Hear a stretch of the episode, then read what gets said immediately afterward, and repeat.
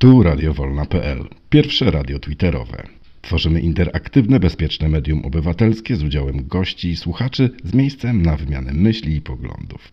Słuchamy innych i rozmawiamy. Zapraszamy na żywo do naszych cyklicznych, autorskich audycji w pasmach tematycznych i edukacyjnych. Znajdziecie nas w przestrzeni Twittera na profilu radiowolna.pl. Nasze podcasty publikujemy na kanale YouTube, Facebooku, a także innych platformach podcastowych. Dołącz do nas, wspieraj i udostępniaj. Zapraszamy do odsłuchania audycji. Witaj Kuba, cześć, cześć Aniu. Siema. A po co tu przyszliście dzisiaj? Przecież nic się nie działo. Dobry wieczór. Witamy Cześć, w Radio. Wolna Polska. 4, 4 grudnia. Za chwilę 21. Zaczynamy. Dopchniemy ten, do, dokleimy nagranie, będzie ładny początek. Także nie przejmujmy się. E, Kuba, ale pomyłka, dzisiaj przecież nic się nie działo, nic nie graliśmy przecież dzisiaj. Bo to na pewno nie polska drużyna tak dobrze grała. A dobrze grała? No, moim zdaniem przekozacko, jak na, jak na ten, jak na piękne zakończenie turnieju, to moim zdaniem pierwsza połowa, jakbyśmy tak grali z Argentyną, to byśmy ich wywieźli tam ze 3-0. Ale rozumiem, że jesteś sceptyczny. Nie, nie, nie, no fajnie. No, Francuzi nam oddali pole. Ja myślałem, że, że z Argentyną będzie tak wyglądał, że tam ci nie będą w stanie takim tempem nas za, za tego za, zamęczyć. No, po prostu się cofali cały czas od Mówisz, Widzieli- Mu- Musisz popracować Kuba nad zasięgiem, gdyż jesteś. y, Ja podejrzewam, że wiesz co? Tak ci powiem takie spostrzeżenie. Jak rozmawiam czasem z Anią K, to ona też ma takie dziury w zasięgu. To jest bardzo podejrzane. Siedzimy, siedzimy tu razem. Nie, nie? Wydało się. No właśnie, ja tu was widzę, e, że, e, że macie podobną synchronizację sygnału, także coś jest na jednym osiedlu na pewno. Nie- będziemy A tak na, po, a tak na poważnie, Kuba, musisz stanąć bliżej okna albo. aktywni. A ty masz w ogóle Wi-Fi w chacie, czy nie? Bo co trzecie słowo dolatuje. A teraz to już w ogóle. A teraz to już w ogóle, no, dokładnie. Weź zrób jakiś test. Ej, to twoja łysa czaszka odbija sygnał. Za dużo, mnie, za dużo mnie wiesz jak na anonimowego yy, tego bywalca twoich salonów pana, ja tutaj robię, robię wywiad y, o każdym z nas, także. Dobrze, czy mnie Mm. słychać teraz lepiej, czy nie? O, teraz cię słychać lepiej, zdecydowanie jestem, tak. jestem w kuchni. Jak Anglicy? Bo Anglicy jeszcze grają, czy nie? Ja jestem Dwa- wyłączony. 2-0. 2-0, patrzyłem minutę temu. Ale grają jeszcze druga połowa, czy, czy skończyli? Mm, zerknijmy, jest live i jest minuta przerwa. Koniec pierwszej połowy, początek drugiej zaraz będzie. Czyli muszę sobie wybrać albo rozmowa z tobą, albo mm, oglądanie Anglików. To tymczasem. No dobrze, to rozmowa z Anią. Może, może Uważaj, Kuba, co wybierasz, jakiego, jakich decyzji e, dokonujesz, bo później będą tego konsekwencje. A ja proponuję wszystkim, którzy są, e, którzy do nas powoli dołączają, żeby weszli na górę. Tam są takie trzy kropki połączone dwiema kreseczkami. Udostępnij w twicie piórko. Będziemy wdzięczni. Dokładnie tak. Witamy e, Erka, witamy Paulina e, i witamy Konrada. Zaczynamy za dwie minuty.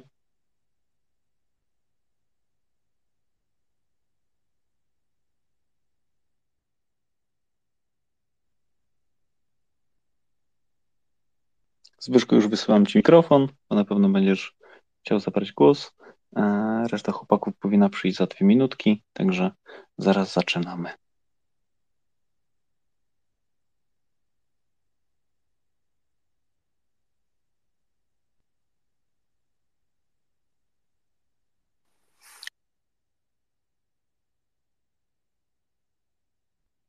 Zrobiłem.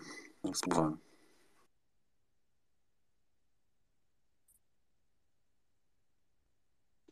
Jeszcze raz powtórz proszę, bo nie doleciało.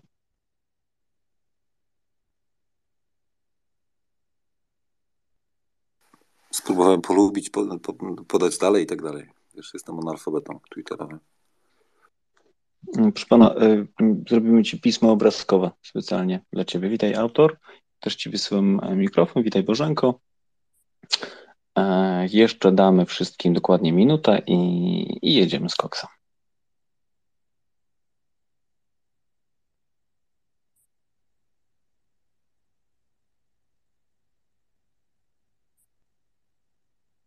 I mam nadzieję, że e, będzie dzisiaj dużo chętnych głosów, bo moim zdaniem jest o czym mówić, bo w sumie całkiem ciekawe spotkanie za nami.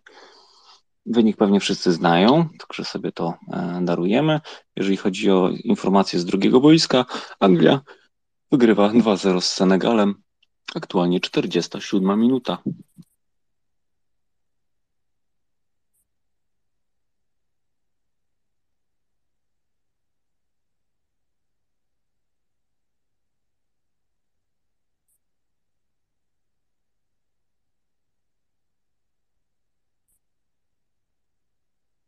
No i przy okazji jeszcze Wam powiem, że e, jeszcze co jest przed nami, co jest przed nami, jeżeli chodzi o jutrzejsze spotkania, to mamy Japonię z Chorwacją, Brazylię z Koreą, mm, ale to już będzie jutro. Tymczasem witam Was serdecznie na kolejnym odcinku Sportowych Gadek. Jest niedziela, 4 grudzień, godzina 21 i kilka minut. Mm, moi drodzy, za nami spotkanie Polski z Francją. Mm, zakończone wynikiem 3-1. E, myślę, że e, zaprosiłbym Was po kolei do, odpowie do odpowiedzenia sobie na pytanie, jak nam poszło w tym meczu, mm, patrząc przez pryzmat tego, co nas spotkało w grupie oraz y, naprzeciw tego, co oczekiwaliśmy od naszej drużyny w tym spotkaniu. Mm, ja może będę ostatni, a pierwszy niech będzie Zbigniew. Zapraszam Cię. No, jakoś tak wyszło z, z losowania ci, czy z wróżby? Jesteś najbliżej. No, nie wiem, nie, nie wpychałem się, wyrzuciło mnie. No dobra, powiem tak. właściwie razem nasz, na dzisiejszy mecz to jest najmniej do powiedzenia. Wbrew, jakby się wydawało. No, powiem tak. E, ja takiego tweeta popełniłem po pierwszej połowie, że drużyna gra przeciw taktyce Michniewicza.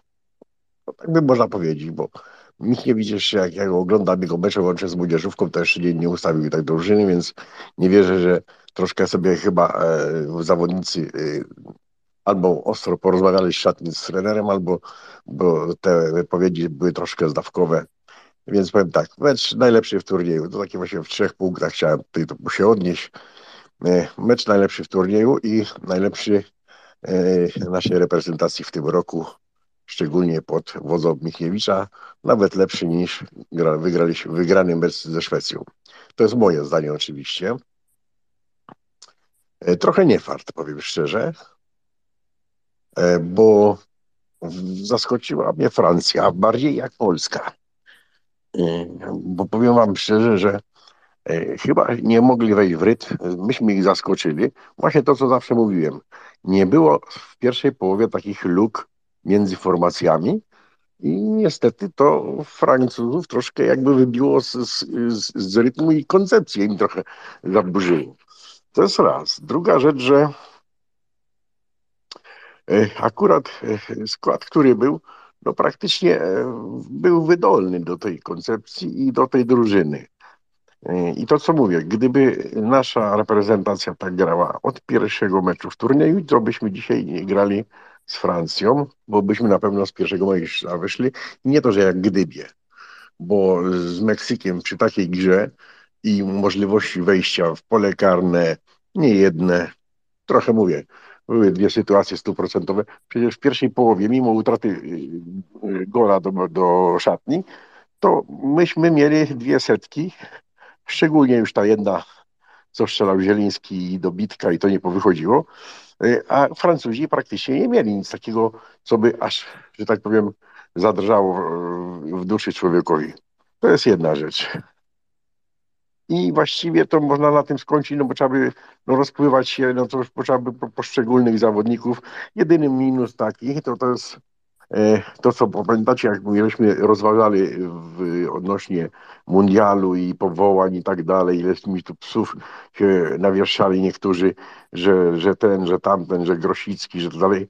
No a ja pamiętacie od pierwszego meczu mówię, żeby Grosik ma na tyle kondycji, bo oglądał go w lidze, że minimum powinien dostawać pół godziny, już nie mówiąc, żeby cały, cały mecz, czy całą pierwszą połowę, ale pół godziny.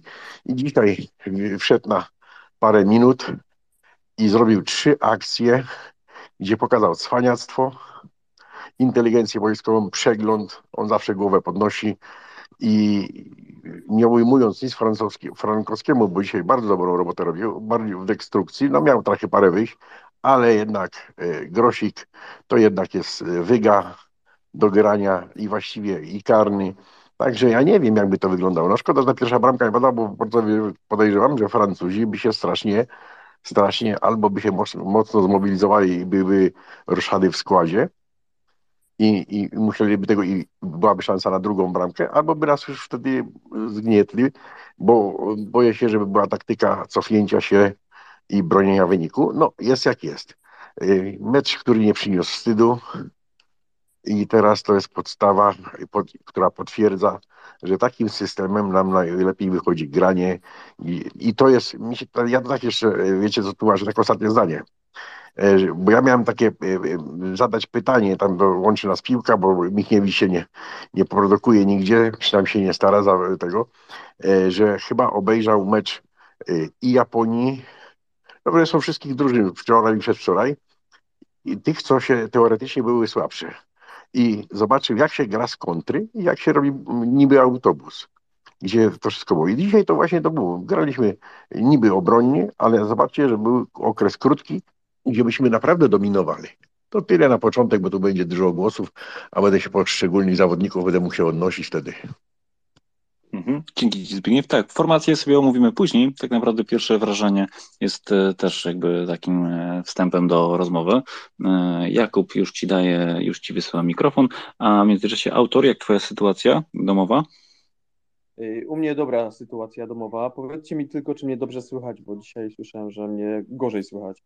Bardzo dobrze, bardzo dobrze. Ochrypły głos trochę od dopingu, ale, ale ujdzie jakoś w boku. Możesz jechać. Chyba od biegania, bo y, stwierdziłem, że pobiegam dzisiaj przed meczem i tak y, chyba mi to dobrze zrobiło, bo totalnie na luzie oglądałem. Y, no i byłem bardzo pozytywnie zaskoczony zmianą taktyki, którą no też tak trochę myślałem o tym, co mówił Zbyszek. Wydaje mi się, że no, Michniewicz jest tym trenerem turniejowym. Jest to generalnie według mnie obiektywnie słaby trener i dlatego pewnie Lewandowski już, e, już tam się przymierza, żeby znowu kolejnego trenera zwolnić. Tak, to Wołosik napisał, że zwolnił Smudę, zwolnił Brzęczka i teraz zwolni Michniewicza. E, ale dla mnie, ja jestem z tego turnieju zadowolony, bo ja wolę awansować, dostać trzy razy w pałę i odpaść, albo e, w kiepskim stylu wyjść z grupy, ale jednak wyjść z tej grupy, to co ostatnio też na pokoju mówiłem, kiedy jako tu jeden z nielicznych byłem zadowolony, yy, nawet po tym kiepskim meczu z Argentyną. Więc byłem nastawiony, że no raczej z tą Francją nie wygramy, raczej będzie ciężko zremisować.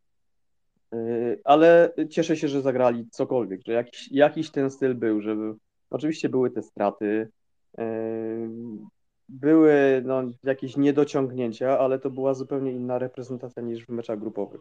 Fajnie się oglądało tej sytuacji, o której Zbyszek wspomniał, no to no to krzyk w bloku był, yy, pokazał chyba jak ludzie oglądają telewizję, bo te krzyki tak się przenosiły. Ktoś miał pewnie e, naziemną, tą, tą cyfrową, to yy, słyszał to pierwszy, ktoś miał z UPC widział to drugi, ktoś miał z dekodera słyszał trzeci, a z internetu jeszcze później, bo te krzyki tak się rozchodziły w przeciągu kilkudziesięciu sekund po tej akcji z trzema strzałami w przeciągu tam kilku sekund. Więc no ja się nastawiałem, że odpadną. E, obstawiłem ten wynik w pracy, obstawiłem ten wynik w STS-ie, wszystko mi siadło. E, no chyba więcej nie byliśmy w stanie zrobić. No nie, nie było szans e, wygrać z Francją, może jeszcze, ale z Mbappé, który no, dwa razy huknął i było to nie do obrony. No nie było szans, więc ja się cieszę, że w końcu, bo żyły, byłem już na świecie, jak były pierwsze mistrzostwa, te, te w 86 roku, ale nic z tego nie pamiętam. Więc cieszę się, że dożyłem czasów, kiedy Polska wyszła z grupy na Mistrzostwach Świata. No bo nie wiem, czy jeszcze e, coś takiego się powtórzy w moim życiu w erze po Lewandowskim. Także jestem zadowolony, słucham tutaj e, e, jakichś może analiz fachowych, jak tam chłopaki mają. Dzięki. Mhm, dzięki Ci, autor. Tak, tak, to jest trochę śmieszne, że jakby nie wszyscy naraz oglądają to spotkanie. Ja to sobie zagłuszam zawsze, żeby nie, nikt mi tutaj nie zaspoilerował za, za ściany, także spoko. Yy, zaraz sobie omówimy wszystko bardzo szczegółowo, ale tutaj widzę, Paweł wysłał łapkę, także zapraszam Cię. Zbyszek był chyba przede mną, ale skoro wywołałeś mnie do tematu, to pozwolę się podzielić takimi pierwszymi wrażeniami, a w zasadzie na początek to statystyka. E, drużyna francuska wyceniana jest na rynku na ponad miliard euro, nasza na 225 milionów. Natomiast przechodząc do, do tego, co w mojej ocenie dzisiaj było kluczem, to kluczem było to, czego w zasadzie nie było e, przez pierwsze trzy mecze grupowe i pomimo tej wygranej, e, znaczy pomimo, nawet w wygranym meczu z Arabią Saudyjską brakowało tego, co najważniejsze jest w układzie, w układzie nerwowym drużyny, tego epicentrum, czyli, czyli środkowego pomocnika. Dzisiaj naprawdę miło patrzyło się na to, e, w jaki sposób gra rozgrywa, wychodzi do podań e, Zieliński. Nie wiem, czy to jest tylko moja uwaga, natomiast mam takie wrażenie, że, że ta postawa Zielińskiego w dzisiejszym meczu i, i ta jego taka dynamika i, i takie przewidywanie i czytanie gry takie w stylu Napoli udzieliło się generalnie wszystkim. To, czego brakowało mi w meczach grupowych, to przede wszystkim właśnie takiego timingu i zrozumienia zawodników nawzajem. No, ten mecz generalnie udowodnił, że, e, że mamy zawodników klasy europejskiej, może, może, może poza jednym, dwoma klasy e, światowej. E, to, to jest dobra drużyna i w zasadzie przed tym meczem zadawałem sobie takie pytanie, co by było, gdyby przeprowadzić wywiad e, z takim zawodnikiem, e, czy, czy 11 zawodnikami i zadać im pytanie, co jest Twoim marzeniem przed Mistrzostwami Świata? No, wyjście z grupy. A co byś zrobił, e, żeby wyjść z grupy? No, generalnie e, żarłbym, e, gryzłbym trawę. No nie? Więc sam szukałem odpowiedzi, dlaczego tego gryzienia trawy przez te pierwsze trzy mecze nie oglądaliśmy. Pytanie, czy to była świadoma taktyka, Chyba nie do końca, dlatego że sam Michniewicz mówił o tym, że, że, był zaskoczony postawami zawodników. No na pewno Zieliński w pierwszych trzech meczach nie odpalił i, i, i tutaj dzisiejszy mecz pokazał, że, że to jest taki punkt krytyczny, ale, ale powinniśmy i, i, i na pewno słusznie mieć takie oczekiwania w stosunku do Zielińskiego, dlatego że że, że tą grą w Napoli udowadnia, że jest zawodnikiem naprawdę klasy światowej. Y, większość zawodników zagrała dzisiaj naprawdę bardzo dobre zawody i tutaj nawet bym się jakoś tam mocno nie pałował nad tym, tym Krychowiakiem, bo to, to, to jest tak, że, że, że Nigdy nie wiemy, co by się wydarzyło, gdyby Krychowiaka nie było. No i to jest tak, że oczywiście mamy głosy krytyczne i krytycznie wyrażamy się na temat e, jego gry e, w poprzednich zawodach, czy, czy w dzisiejszych może trochę mniej, ale jednak mimo wszystko krytycznie, ale nie wiemy tego, co by się wydarzyło, gdyby tego Krychowiaka nie było, więc takie gdybanie w gruncie rzeczy, e, no, no, no można to zrobić, ale, ale nie, ma, nie ma większego sensu. No, no Maty Cash na pewno był tym gościem, który który dzisiaj mnie zaskoczył bardzo pozytywnie. Na jednym spokoju usłyszałem, że Żeglik był bardzo cienkim zawodnikiem i w zasadzie y, drogę krzyżową y, zaproponowano Glikowi. W mojej ocenie Glik to był, to był ten zawodnik, który który też dzisiaj wypadł naprawdę bardzo pozytywnie w, w, tych zawodach. Jakbym miał oceniać w skali od 1 do 10, to myślę, że w okolicach 7,5-8 dałbym notę Glikowi. Bardzo podobała mi się gra Glika. Zaskakująco wypadł dobrze w tych zawodach z uwagi na swój wiek, no ale jakby przykład Lewandowskiego, czy Ronaldo, czy, czy, czy Messiego pokazuje, że dzisiaj jakby wiek 30 plus ma, ma mniejsze znaczenie w kontekście jakby dostępu do suplementów, do, do, do wiedzy, do, do, do całego systemu dbania o, o zawodnika po meczu, etc. Ale kończę, bo tu mój Maltańczyk się wykąpał i szaleje. Dziękuję.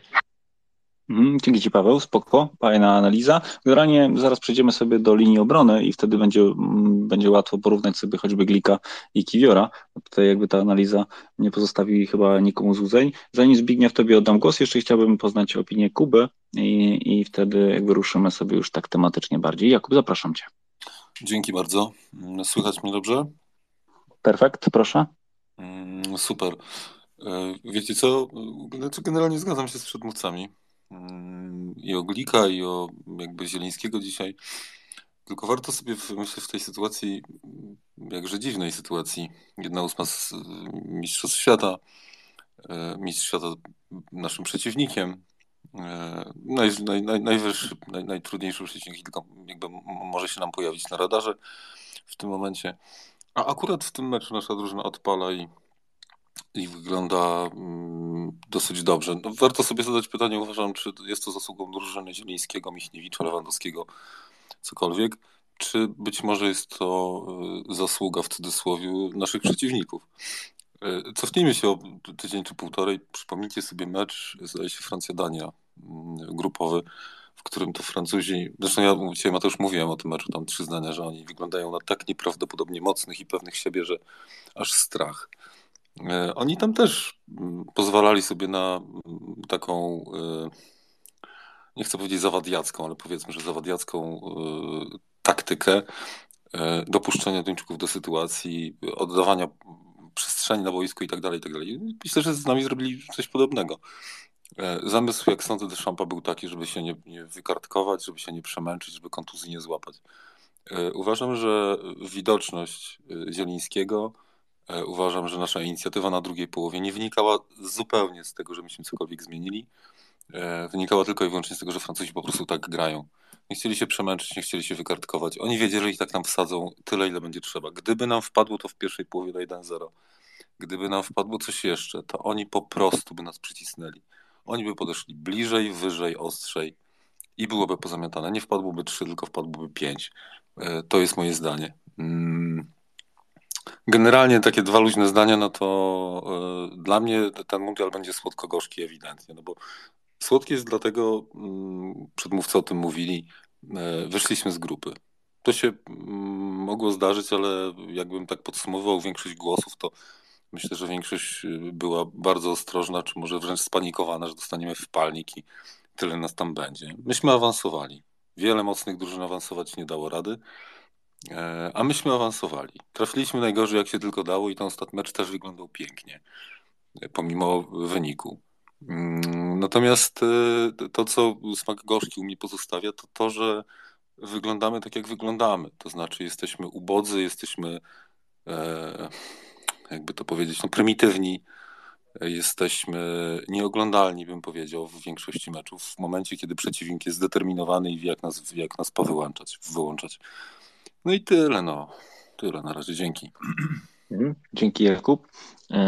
Ja na razie skupiłbym się może tylko na polskiej drużynie. Tak naprawdę myślę, że jest wiele czynników, które mówiły o tym, jak, y, które wpłynęły na to, że nasza drużyna w tym ostatnim meczu, dzisiejszym, grała jednak troszeczkę inaczej, z innym obciążeniem i z innym podejściem do meczu.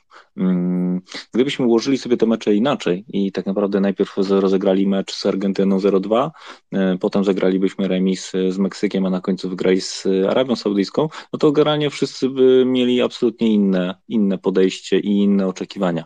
A tutaj tak naprawdę ledwo co wymęczony, wymęczony awans z grupy i tak naprawdę mm, dzisiaj mówił o tym e, trener, że, że Francuzi muszą, a my możemy. I moim zdaniem też było tak, że choćby odwaga Jakuba Kamińskiego na skrzydle, choćby turbo, turbo y, y, siła i turbo zdeterminowanie Matego, Matiego Kesza, e, to jakby to było widać, że oni tak naprawdę oni chcą się pokazać, oni chcą zagrać na 100%. O kilku zawodnikach, zawodnikach na pewno można to powiedzieć, że, że dzisiaj pokazali 110% swojego e, kapitału, a o niektórych na pewno nie. E, Zbigniewie, e, bardzo proszę, ale też na razie się jakby opierajmy na takim ogólnym, ogólnym luku. Jeszcze Artur będzie, a potem jakby przejdziemy do linii obrony, jeżeli mogę, mogę tak zaproponować. Także Zbigniew Dobrze, ja, ja, tylko, ja tylko tak podniosę się takim adwocem do autora i do Jakuba. E, ja powiem tak, no nie do końca e, się zgadzam z tym, że Michniewicz to jest trenerem turniejowym. Żadnego turnieju nie wygrał, w żadnym turnieju nie był w finale. U, u niego to była jedna zasada.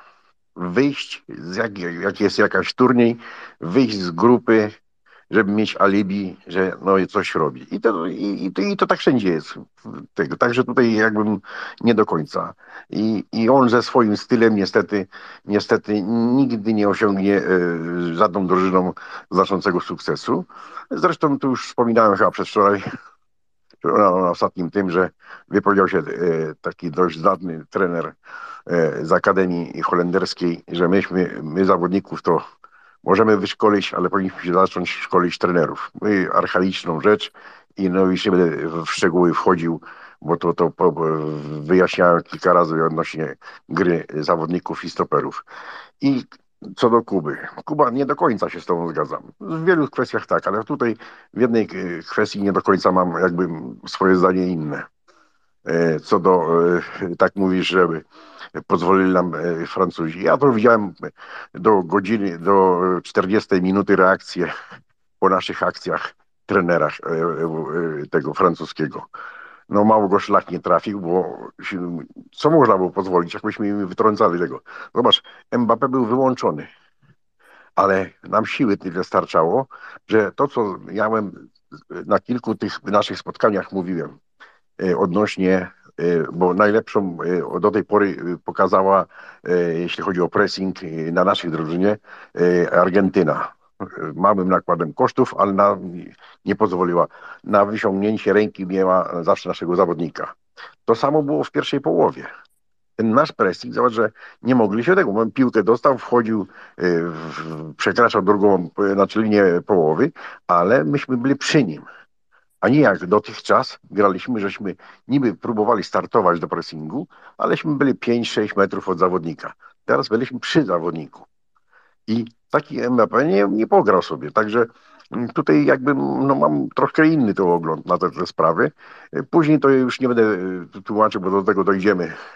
Tak jest, nie po kolei. Jak po kolei. Tak, tak no, nie będę tłumaczył, jak to w drugiej połowie, dlaczego tak, a nie inaczej, ale, ale prawda jest taka, że, że y, takim stylem, jakbyśmy grali, to to mówię, byśmy wyszli y, przy takim układzie, jaki, jaki nastąpił w naszej grupie, byśmy wyszli z pierwszego miejsca, bo nie, jakbyśmy tak zagrali z Meksykiem, jak dzisiaj z, tego, y, z Francją, to byśmy ich rozłożyli bo jednak jakość piłkarska i, i organizacyjna i dyscyplina... Do brzegu, do brzegu, do brzegu. No, tak, właśnie, no, dyscyplina to taka, że myśmy sobie z nimi poradzili. Także uważam, że dzisiaj, żeśmy w miarę to zagrali przyzwoicie, z mankamentami, no, które no, no, na tym rzecz polega. Tyle.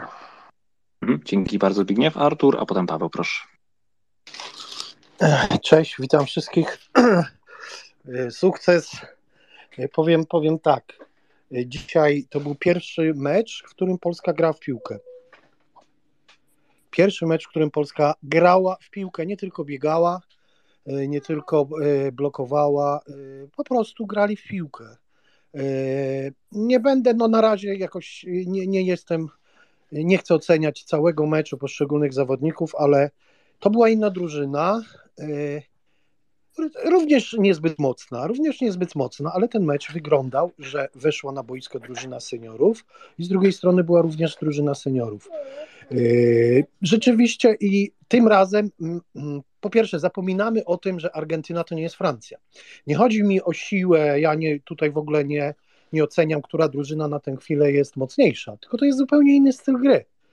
Yy, spotkała się drużyna europejska z europejską. Polakom zawsze lepiej się grało z drużynami europejskimi, ponieważ no mniej więcej znają ten styl gry i, i zupełnie to inaczej wyglądało. Ja, ja oczywiście się nie znam, nadal uważam, że jestem w tej szóstej grupie kibiców.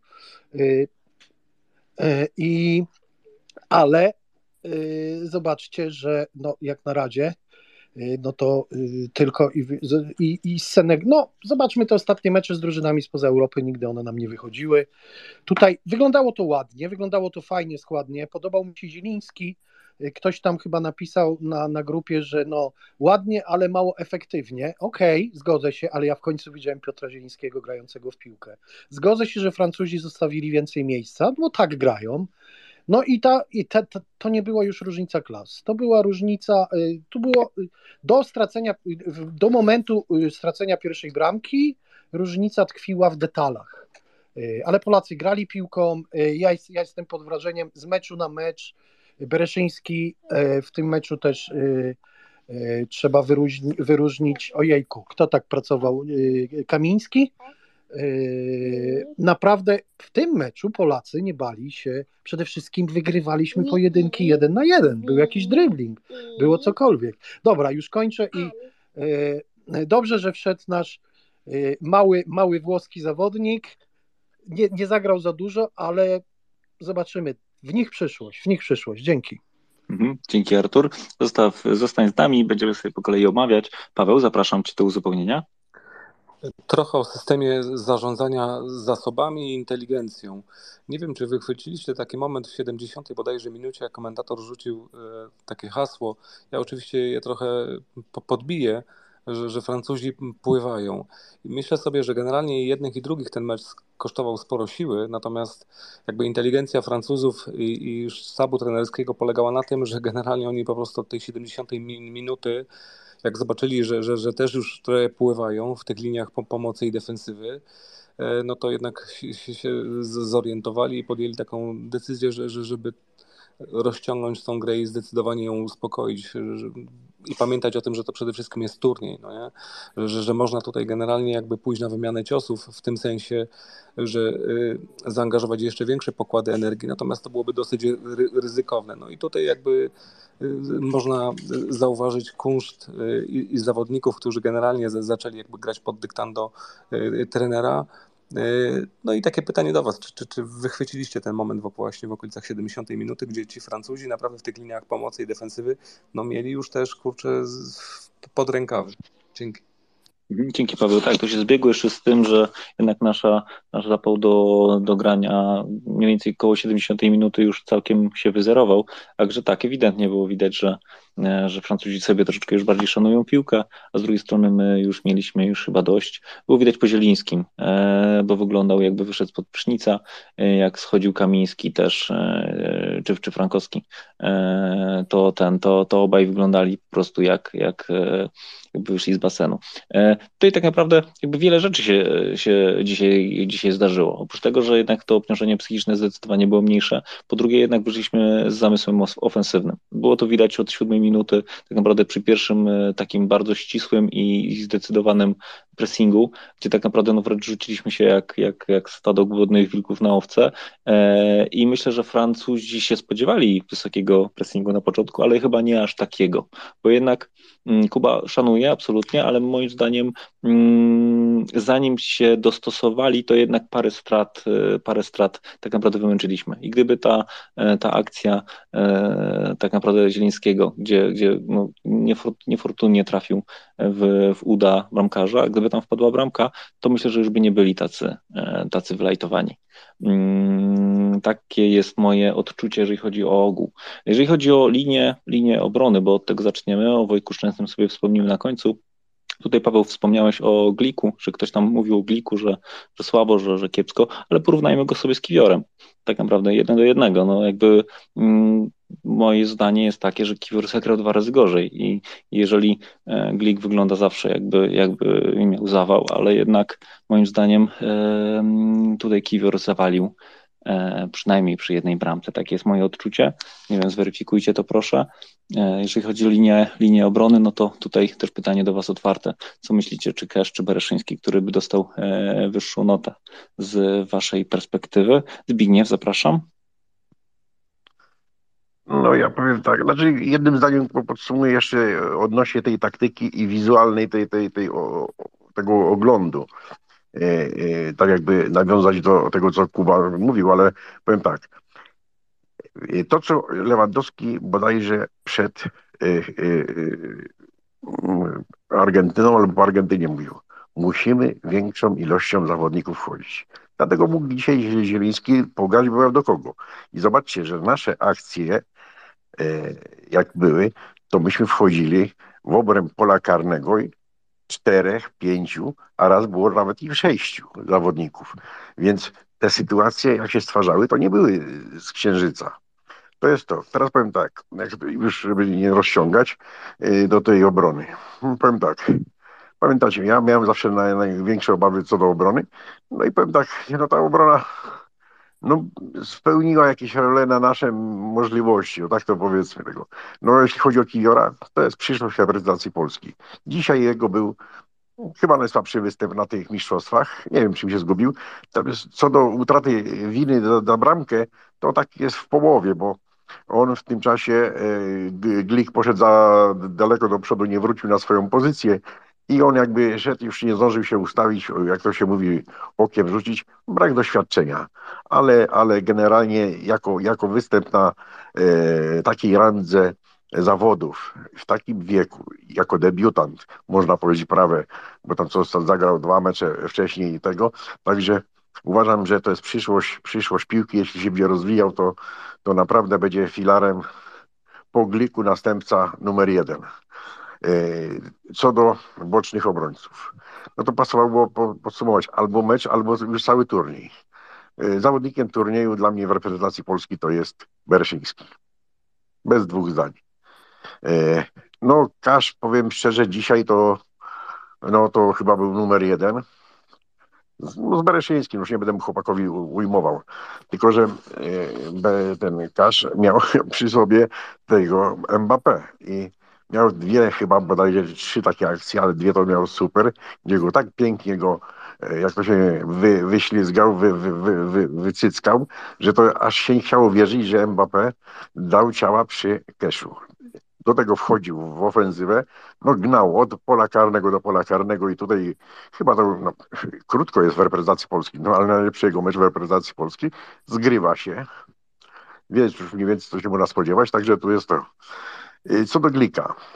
Glik y, to jest taka troszkę podpora, ale on już kończy karierę, sam chyba zapowiedział, że już więc tam jeszcze może z rok pogra, czy coś jak będzie. No bo cóż, y, tu była taka jedna akcja, no wolniutko już, już, już wraca. Tu jak już jest w obrębie szesnastki, owszem, tak, ustawić się umie, dyryguje, i chyba się przy nim na póki co ci młodzi się, czy wchodzący, to był raz Bednarek, teraz, teraz Kiwior, ale kto by nie wchodził, no to się e, jakby on ich mobilizuje, no, czują się pewni. To póki co to, to, to, to trzeba mu oddać i, i, i tu szczerze mówiąc, gdyby go nie było na tych mistrzostwach, może by był ktoś lepszy, jeśli chodzi o, o, o szybkość, o to, ale mi się wydaje, że obrona nie byłaby tak skonsolidowana. To tyle na temat obrony. Mhm, dziękuję Ci bardzo. Paweł, zapraszam. Glika już omawiać nie będę. Y, co do Beryszyńskiego, znaczy co, do w ogóle generalnie bocznych obrońców, to, to myślę sobie, że, że jeżeli to jest turniej, to trzeba jakby ocenić całość. Y, I Beryszyński w żadnym z meczy tak naprawdę nie, nie zawiódł. I on nie to, że był najlepszym zawodnikiem w mojej ocenie turnieju w naszej reprezentacji. On dla mnie był największym zaskoczeniem tak naprawdę polskiej reprezentacji. Takim bardzo pozytywnym zaskoczeniem. Co do tej pierwszej bramki, to tak sobie myślę, kurczę, i przypominam sobie Oliviera Giroud jeszcze z Ligi Angielskiej, kiedy, kiedy w niej kopał i to było kilka ładnych lat temu i on już generalnie wtedy był dosyć wolnym. To jest taki, to jest taki trochę kurde glik, tylko że, że w napaści. No nie? On potrafi się ustawić, on potrafi wy, wyłapać w ten moment y, ten, to, tą linię, kiedy, kiedy spalonego jeszcze nie ma, w, pojawić się na pozycji w odpowiedniej, y, w, w, odpowiedniej chwili. No i tak ta bramka generalnie padła. Natomiast jakby y, w, w kontekście tego, że Giroud również jakby swoje najlepsze lata i, i świetność ma za sobą i, i, dynamikę również, to powiem wam szczerze, że, że ta akcja z, z tą bramką wyglądała bardzo dynamicznie i to mnie kurczę generalnie zaskoczyło, takie, takie zderzenie się dwóch obrazów, nie? bardzo dynamiczna akcja, w której bierze udział E, taki nasz glik, tylko że, że u nich w napaści. E, więc jeżeli mówimy o obrońcach bocznych, to Bereszyński absolutnie dla mnie jest zawodnikiem turnieju. Jeżeli mówimy o bocznych obrońcach i przejdziemy na, na, na Kesha, e, to ja dzisiaj przeczytałem sobie może nie jego biografię, ale, ale historię rodzinną, prosty wpis w Wikipedii. Cieszy mnie to, że, że, że z, z, taką determinacją dążył do tego, żeby grać dla tej kadry. I cieszy mnie to, że, że, że w tym meczu znalazł swoje miejsce, bo to też jest tak, że akurat ocena e, Kesha, e, moja ocena Kesha jest taką oceną e, trochę, trochę mm, ulgową, dlatego że ja wiem, że to są profesjonaliści, ale nowemu zawodnikowi jednak na takim turnieju, gdzie, gdzie pokładane są duże nadzieje z, z nim, z jego grą, trudno się jest odnaleźć. On to zrobił w, w, w tym meczu dzisiaj z Francją i myślę, że że, że tym udowodnił, że, że to, co zrobił w swoim życiu, te kroki, które podjął, to są właściwe kroki i wydaje mi się, że absolutnie świetnie wpisuje się i komponuje w tą linię defensywy. Dziękuję. Mhm, dziękuję Ci bardzo. Jakub, zapraszam. Dzięki. Ja jeszcze jedno zdanie się odniosę do tego, co było parę minut temu. E, chyba Artur to powiedział. E, w 100% się zgadzam ze zdaniem, że mm, dzisiejszy przeciwnik jak, jakkolwiek jest trudnym przeciwnikiem, to dla nas jest łatwiejszym z tego powodu, że jest z Europy. Zwróćcie uwagę, że my w ostatnich, nie wiem, pięciu czy czterech latach potrafimy grać skutecznie, y, ładnie, powiedziałbym nawet z, z Niemcami, Szwedami, Anglikami, Hiszpanami. Nawet Wło z Włochami nam się przydarzył mecz ze 4 lata temu taki. Więc to, że to był europejski przeciwnik, to zawsze nam ułatwia życie. No ale oczywiście nadal topowy, nadal właściwie nie do przejścia dla nas. Co do e, zagadnień defensywnych, no to mm, e, ja też zgodzę się, że Bereszyński był naszym najlepszym piłkarzem z pola. Chyba o tym zapominamy, słuchajcie. No bo jeżeli mamy wybrać z całej jednostki, zapominamy o, o Szczęsnym. No to Szczęsny był numerem jeden u nas, to w ogóle bez, bez, bez dwóch zdań. Ale Szczęsny na koniec miał być. E, spoko, ale jeżeli mówimy Bereszyński najlepszym piłkarzem naszej reprezentacji na mistrzostwach, to ja się nie zgadzam. Bereszyński najlepszym piłkarzem z pola, to pełna zgoda. Ale naszym najlepszym piłkarzem był jednak, był jednak Szczęsny. Co do obrony, no trzeba ich chwalić, słuchajcie, no bo Bereszyński był klasą światową w każdym meczu, a miał najtrudniej, no bo miał i Di Marię, miał i Griezmana dzisiaj, miał, miał i tego, tego Meksykanie, Meksykańca z Napoli w pierwszym meczu po swojej stronie. Miał zawsze najtrudniejszych przeciwników. E, ja jego postawą zaskoczony nie jestem, bo ja gościa bardzo cenię od lat i uważam, że on zawsze, tak jak wiele razy tu mówiłem, dowozi jakość i, i to, co ma dowieść. On, e, on jest przewidywalny, co jest e, bardzo nieoczywiste niestety w naszej piłce. Cash, Cash mnie zaskoczył tylko jedną rzeczą dzisiaj, może w całym turnieju, tym, że się nie rozwalił, że nie naciągnął, nie zgłosił zmiany, no bo on w, w, w Willi to gra naprawdę w kratkę, e, ale zdrowie dopisało, dał radę, więc, więc, więc świetnie. Dzisiaj był, dzisiaj był nadspodziewanie dobry w defensywie na, na Mbappé. E, co do stoperów, no to jest mój konik, więc więc powiem wam tak, no Glik y, poza wszystkim, jego problemy przed mistrzostwami zdrowotne y, mnie również dawały duże znaki zapytania, ale Glik to jest Glik, słuchajcie, jeżeli jest ważny mecz w kadrze, to on, on sobie da radę, tak? On, on nie zawiedzie i nie zawiódł. E, odnośnie Kiwiora, niestety pójdę chyba w, w, w, w kontrze do was, dlatego że e, on jest młody, on gra w w europejskiej piłce, ale jak ja na niego patrzę, to ja nie będę zdziwiony, jeżeli za dwa albo trzy lata e, w kadrze o Kiwiorze nawet nie będziemy wspominali. Ja nie wiem, jak, się, jak, jak on się będzie rozwijał, ale na dziś ja widzę w nim e, duże braki, bo wspomnę wam tylko sytuację z meczu z Argentyną, kiedy on dał gościowi, i to nie byle jakiemu, bramkę na 3-0 z Argentyną, która by spowodowała, że jakby dzisiejszy mecz z Francuzami to by grali, wiecie, e, Saudyjczycy, a nie my, nie? E, więc e, i dzisiaj podobnie. Ta pierwsza bramka, ta najważniejsza bramka, pierwsza, bo to pozostałe dla Francuzów to były już, wiecie, na konterce, na luzie z, z, z Mbappé, więc, więc bez komentarza. Natomiast ta pierwsza no, przy naszym systemie i w momencie, kiedy jakby bramka przechodzi środkiem, to, to wiecie, to to musimy patrzeć na obu stoperów. Y, I, i winą obarczyłbym ich obu. Y, przy czym ze 20% tej winy dałbym Glikowi, a 80% niestety dałbym Kiwierowi. 20% winy Glika polega na tym, że, on, że jego nie było tam, gdzie miał być. On dał się wyciągnąć, co zdarza się straszliwie rzadko, bo on, bo on wie o co chodzi, on, on jakby zna system i wyciągać się nie da, ale był za wysoko za 4 metry. Natomiast to, co zrobił Kiwior, to dla mnie to jest, to jest nieprawdopodobna zagadka, bo E, słusznie zauważył przed chwilą przedmówca. E, Giroud jest stacjonarny, silny, wiadomo, kumaty z piłką techniczny, natomiast jest, jest, jest wolny. I jedyną rzeczą, która tam się mogła wydarzyć, to było właśnie takie przesunięcie się na cztery kroki i wyjście na piłkę. Gdyby Kiwior był przy nim, to by prawdopodobnie tej bramki nie było, bo po prostu e, dałby radę ją zatrzymać. Mm, a on dał mu zrobić ten pierwszy krok, dał mu zrobić drugi krok i za nim ruszył. I było po wszystkim. Kiwior fajnie, młody, niezły z piłką, bym powiedział nawet jak na, na, na, naszych stoperów, ale jeżeli miałbym swoje zdanie wypowiedzieć, to za pół roku środek obrony to będzie Glik Bednarek na przykład, a Kiwior będzie siedział na ławce, to jest moje zdanie. A jak spadnie, a jak spadnie Glik, to być może objawi nam się jakiś inny stoper, który będzie z Bednarkiem w parze grał na, na stopie w, w reprezentacji, to jest moje zdanie. E, generalnie gra obronna zaskakująco dobrze na tym turnieju nas. Dzięki.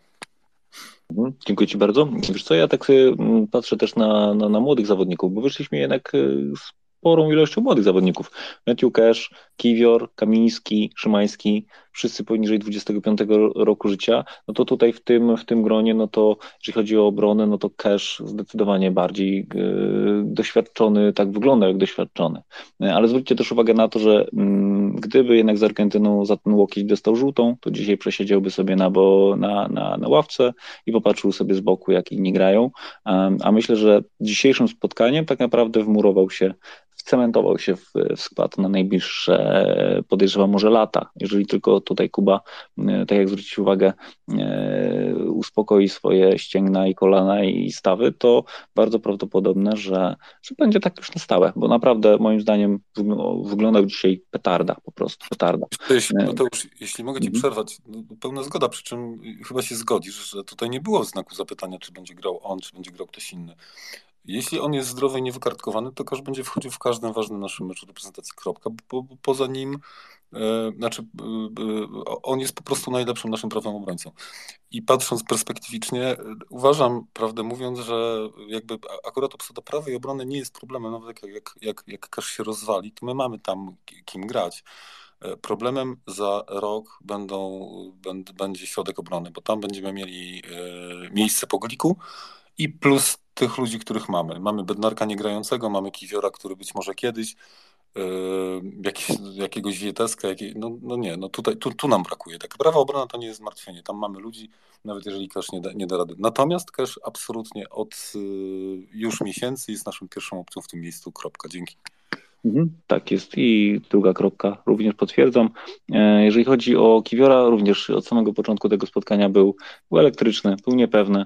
E, dwie, trzy straty. Tak naprawdę nawet przy obu, przy obu bramkach e, Mbappe, tak naprawdę no jakby ja nie uważam, że, mm, że pozwolenie Mbappe Y, położyć piłkę na ziemi i dać mu dwie sekundy, to jest super rozwiązanie na, na, na, na zablokowanie strzału. No niestety. A jak Mbappe się składa do strzału, to e, obaj, i Glik i Kiwior się obracają tyłkiem do nich, do niego. Sorry, ale to, to nie zadziała po prostu. Także tutaj e, tak mi się wydaje, że jeżeli chodzi o, o stoperów, to był to najsłabszy mecz e, z całego turnieju, jeżeli chodzi o tych dwóch ogółem. Mimo, że cała obrona jednak w poprzednich meczach, przy takim typowo defensywnym podejściu, to była jednak e, taka jakby fundament, że było wiadomo, że obrona da radę, a w tym spotkaniu ja jednak nie do końca mm, nie do końca mógłbym tak powiedzieć. Mm, Paweł, zapraszam, a potem Adriana witamy.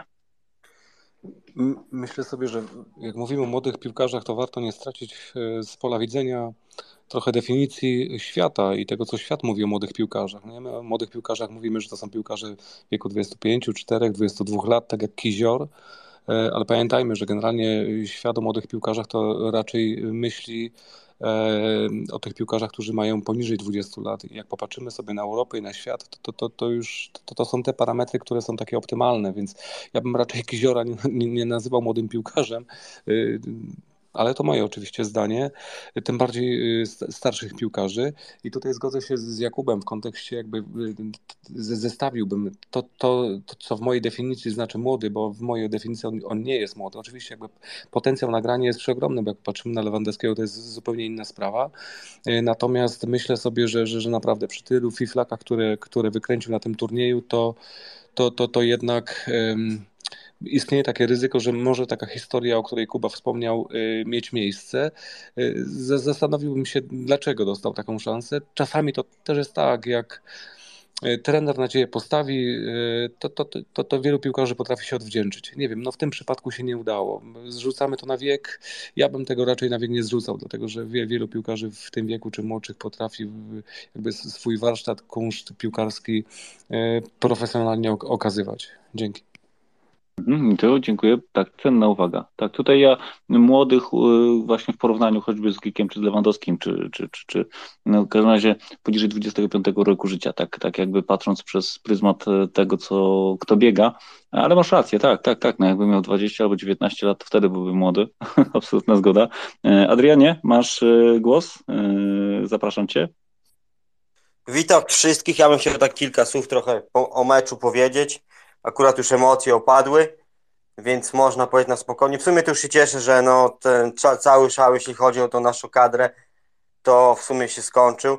Tylko zadam wam wszystkim jedno pytanie i oczekuję, że nie, tylko oczekuję jakiejś konkretnej odpowiedzi farmazonów. W tym roku tak, siatkarze druga drużyna świata, y, koszykarze czwarta drużyna Europy, y, siatkarki były w ósemce. No i to były sukcesy i piłkarze oczywiście jak zwykle najgorzej. Niech mi ktoś, nie wiem, wytłumaczy logicznie, bo ja tego nie rozumiem. Jakim cudem ta piłka nożna jest naszym sportem zespołowym? Wszyscy tak się jaramy, tym żyjemy y, i się interesujemy sportem, gdzie praktycznie nie, nie umiemy w to grać. I ja na przykład tego nie potrafię zrozumieć, dlatego się cieszę, że ten szał, szał już się kończy. Teraz niedługo będą Mistrzostwa Europy w piłce ręcznej w Polsce, to też liczę, że jakieś tam miejsce zajmiemy, ale mi chodzi o to piłkę, bo dla mnie to jest jednak fenomen. Wszyscy się jaramy, wszyscy się grzejemy od miesiąca, tak naprawdę wyszliśmy psim swędem z grupy, bo Szczęsny miał turniej życia i wszyscy się interesujemy w grą, w, w którą praktycznie nie umiemy grać i praktycznie nie mamy żadnych sukcesów, więc odpowiedzcie mi, dlaczego tak jest i co za tym przemawia, bo na logikę to się totalnie nie bronię, bo wymieniłem te pozostałe sporty, gdzie naprawdę mamy sukcesy i fajnie to się rozwija, a piłkarze jak zwykle na samym końcu. Dzięki Adrian. Wiesz co, zostawmy sobie takie analizy na koniec turnieju, znaczy na koniec, y, no tak, tak, turnieju, dobrze powiedziałem. Jak będziemy rozliczać sobie Czesława Michniewicza już tak na, na chłodno, no bo dzisiaj to nie jest czas, bo będziemy mieli taką dyskusję do trzeciej. Skupmy się dzisiaj na naszym spotkaniu, e, a ja już mam pomysł na to, jak, jak wciągnąć w tą rozmowę e, właśnie na temat, który podałeś. E, ale rozumiem, że mecz ci się podobał. Powiedz proszę. No ci powiem tak, no o niebo lepiej niż z Argentyną, no jakieś tutaj przybłyski ale wam powiem szczerze, nie obrażając naszych piłkarzy, ale jak Francja chciała do ataku, to ja miałem wrażenie, że my jesteśmy albo niepełnosprawni, albo my gramy jak niewidomi, tylko piłkę dotykamy jak ją usłyszymy, że naprawdę to jest totalnie inne dyscypliny sportu. Fra piłkarze Francji jednym zagraniem przyspieszali akcję, normalnie ułamek sekundy i groźna akcja, a nasz piłkarz to musi przyjąć, musi się rozejrzeć, musi się zastanowić, musi się po czole podrapać i naprawdę to pokazało, że my gramy w zupełnie inną dyscyplinę sportu niż to jest w światowej czołówce jak nam wiele tak naprawdę brakuje. Ja wiem, że piłka jest taka trochę niewymierna, można stałym fragmentem gry, można defensywo coś tam ugrać, ale się tak patrzyłem na te dwie drużyny, tak się starałem obiektywnie, no to masakra, my jesteśmy naprawdę w jakiejś drugiej, czwartej lidze, bo do czołówki tam bardzo dużo brakuje, no ale jest jakiś tam progres, nie? I ja bym jednak Michniewicza zostawił, eliminację ma dość łatwe, może z tej drużyny coś tam zbuduje. Na pewno potrzebuje czasu, nie? Ale mówię, nie jestem super zadowolony, nie jestem napalony tym, co zobaczyłem, bo zobaczyłem, jak wiele nam brakuje. Mhm, dzięki Ci bardzo, Adrian.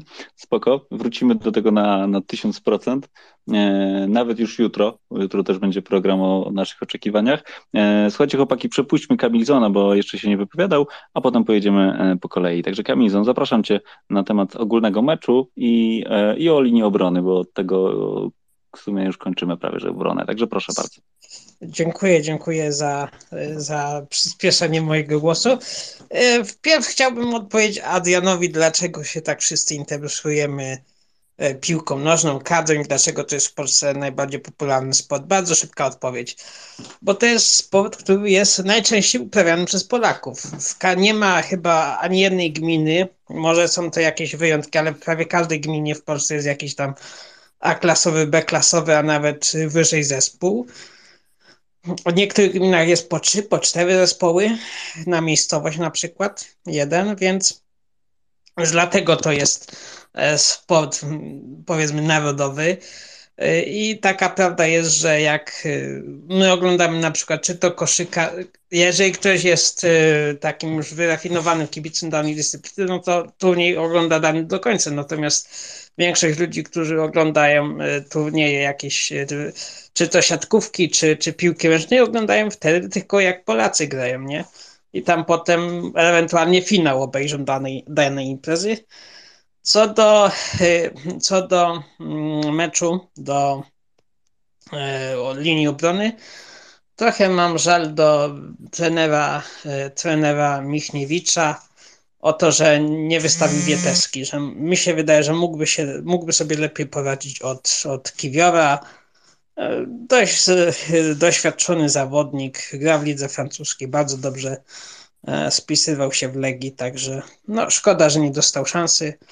Ogólnie do meczu Polska-Francja powiem tak, że zaskoczył mnie. Myślałem tak, wcześniej tutaj gadałem, że to będzie e, ciągnięcie, e, męczenie buły 0-0 do, do lokalnych. No, no zaskoczyła mnie prezentacja pozytywnie. ale czy to był dobry mecz, czy to był najlepszy mecz w wykonaniu na mundialu? Pewnie tak. No może, może ciutkę lepszy był, był z Arabią Saudyjską, jeżeli chodzi o skuteczność. No, bolą te, te, te odbitki mm, Zielińskiego. No i cóż, no, no ale też muszę przyznać, że nie, nie ekscytował mnie ten mecz dzisiaj. Przed w ogóle, mimo że awansowaliśmy, wyszliśmy z grupy, to nie czułem już takiej y, podnietki, że się tak wyrażę meczem. To dziękuję. Dzięki Kamizon, spoko. E, do Czesława Michiewicza też dojdziemy na pewno. Ale faktycznie Witeska chyba w ogóle nie zagrał nawet minuty, tak mi się wydaje. E, Artur, zapraszam cię. Y, hej, no tak. Proszę, bo ja byłem trochę, chciałem jedno zdanie, bo się muszę na 15 minut wyłączyć. To Mogę? Zbigniewie, proszę. E, to jako uzupełnię odnośnie tej popularności piłki nożnej. Nie tyle kluby, tylko kochani, przecież praktycznie, no nie wiem jak wy, ale ja w swoim towarzystwie, że tak powiem, i tak dalej, to za się bez przerwy grało w piłkę. Jak nie mecze między klasami, to to, to, to ulicami, to dzielnicami, różnie, różnie. No ja tam jeszcze troszeczkę uprawiałem krótko, ale byłem trampkarzem w klubie. Ale tak patrząc na zwykłego śmiertelnika, to większość dzieci, młodzieży to grało w piłkę nożną, no więc to jest najbardziej był taki dotykalny sport. To tyle, jeśli chodzi o sport. I jednym zdaniem chciałem tylko tutaj odnieść się co do tej obrony, jak już jesteśmy na tej obronie. Ja bym bronił Kiwiora, bo jego troszeczkę takie, bo to miał praktycznie w każdym meczu jakiś Higgs, tylko jego pewność siebie. On jest młody zawodnik, ale on jest strasznie pewny, on jest, ma kręgosłup bez nerwów. I może dlatego to pewne rzeczy wychodziło. A ponadto, no jak powiedziałem, debiut na takiej imprezie, a dopiero do kadry wszedł. I więc jeśli nie zmanieruje się, bo to już słychać głosy o transferach Bóg wie jakich, to naprawdę to, to, będzie, to będzie e, tego, bo jest jedyny zawodnik, który do przodu potrafi piłkę prowadzić. Trochę, mówię, troszeczkę dzisiaj bojaźliwie, to mówię, ja to jak mówię, krytycznie, jak trzeba, to trzeba.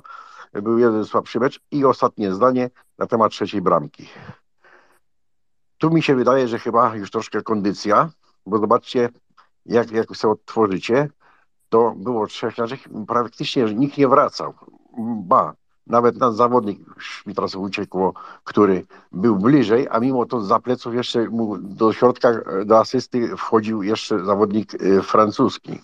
Więc, więc, więc tutaj jakby y, no, była sytuacja bardzo czysta, klarowna, nie wiadomo kto miał kogo y, pilnować. Glik, ten zabrał asystent dwóch, łącznie z Glikiem i, i Mbappé był samiutki to niestety, to tutaj jakby on nie strzelił, no to już byłoby plama dla Mbappé, bo, bo, bo by miał czyste, czyste pole, czyste sytuacje, także tutaj jeśli chodzi o sprawy obrony, żeby to już zamknąć, y, zdania mamy różne, jeśli chodzi o Kiwiora, ale to jest, mówię, młody zawodnik i jedna rzecz jest y, dla mnie tragiczna, cały czas odnośnie młodości. U nas młody zawodnik cały czas może. Pamiętacie na temat y, y, Zielińskiego. 23 lata młody, 24 lata młody, 25 młody będzie się rozwijał. Młody zawodnik to ma 16, 17, 18 lat i zobaczcie, to tacy grają 17-latki, 18, 19-latki. U nas się traktuje i to jest właśnie błąd trenerski. Mało który się odważy. Był Kozłowski, sprawdził się, fajnie zagrał y, w reprezentacji i zginął, bo, bo, bo tego, bo jest za młody brak doświadczenia. No kiedyś trzeba nabierać doświadczenia i na to właśnie liczę, że Kiwior nabiera tego doświadczenia. Taśmy wyszli, jakśmy wyszli, taśmy skończyli, jakśmy skończyli, ale dla mnie to, jeśli się nie zmanieruje, będzie podpora reprezentacji. To tyle. Dzięki, Paweł o tym mówił właśnie, o tym wieku i o tym, jak, jak to nie jest takie obiektywne. E, jeżeli chodzi o nerwy, to moim zdaniem do tego Wojtek nie miał, nie miał dzisiaj kręgosłupa, jeżeli chodzi o e, układ nerwowy. E, ale do tego dojdziemy. Artur, proszę i potem Paweł Jakub. No to temat stary jak świat.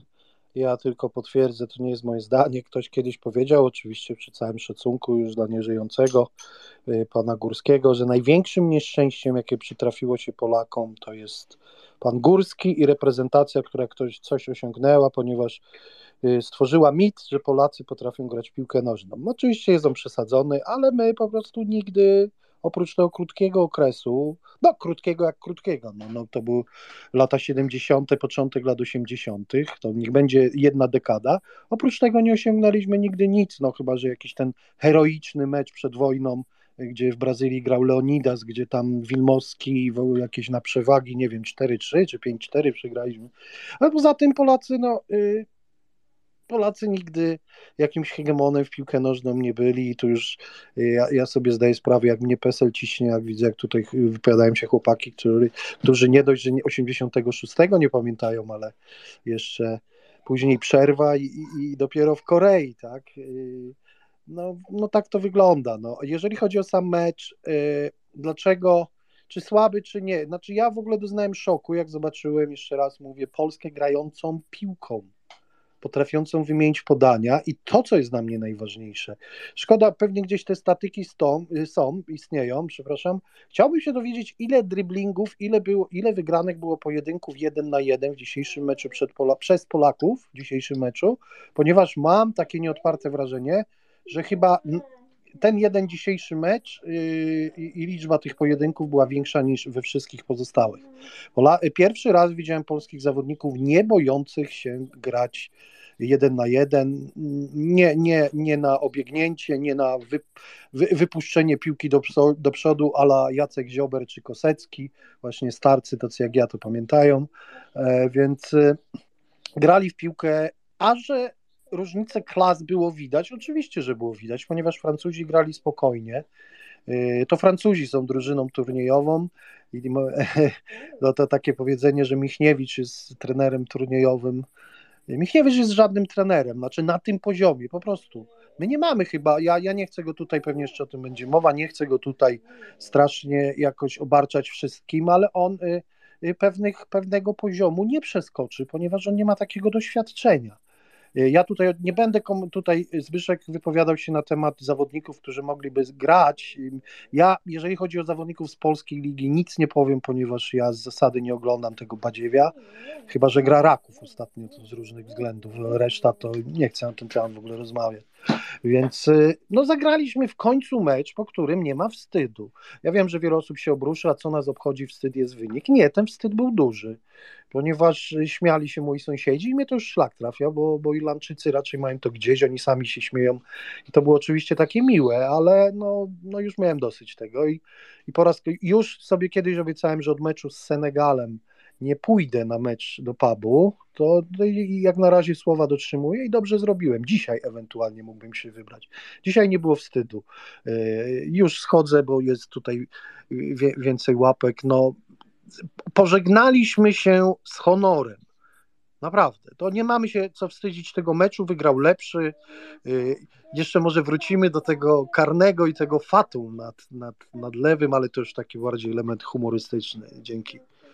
Mhm, dzięki Artur. Tak, no, ilość, ilość driblingów Kamińskiego zrobiła nam statystykę, tak, zdecydowanie pełna zgoda, ale też Zieliński też nie odejmował nogi i, i było widać, że, że dużo chłopaki się pewnie czują. Tak samo Bereszyński z przodu tutaj z Frankowskim e, w narożniku bardzo ładnie rozgrywali, e, czy z Zielińskim przy, przy stałych fragmentach, no klasa moim zdaniem. E, chłopaki Paweł Jakub, bardzo proszę przy okazji, jak już odpowiecie na zadane pytania, to ruszcie temat Krychowiaka, jego zmiennika Bielika, który grał przez ostatnie 20 minut i na przykład współpracę z Zielińskim, bo tu i ten transfer jakby był, był widoczny. Zapraszam Pawła Jakuba.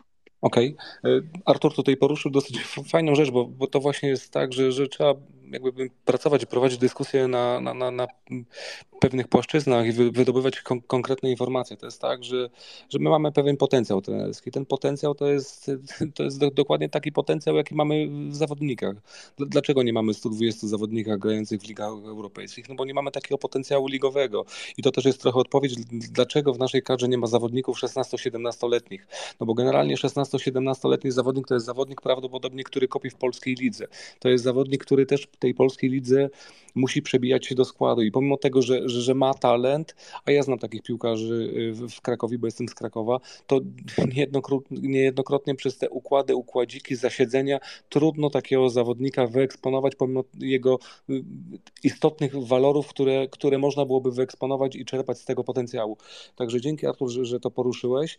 Y, co do tego, dlaczego piłka jest sportem narodowym, no to już wszyscy w zasadzie wszystko powiedzieli. Ja wróciłbym tylko do tego, czego chyba jeden z moich przedmówców nie słyszał, bo go na pokoju nie było. To jest tak, że wartość reprezentacji Francji wyceniana jest na ponad miliard euro, nasza na 225 milionów, więc w zasadzie dzisiaj Francja statystycznie powinna być lepsza od Polski co najmniej czterokrotnie, ale nie była czterokrotnie lepsza i to jest jakby fantastyka w futbolu, ale nie tylko w futbolu, generalnie w ogóle, e, w ogóle sportu.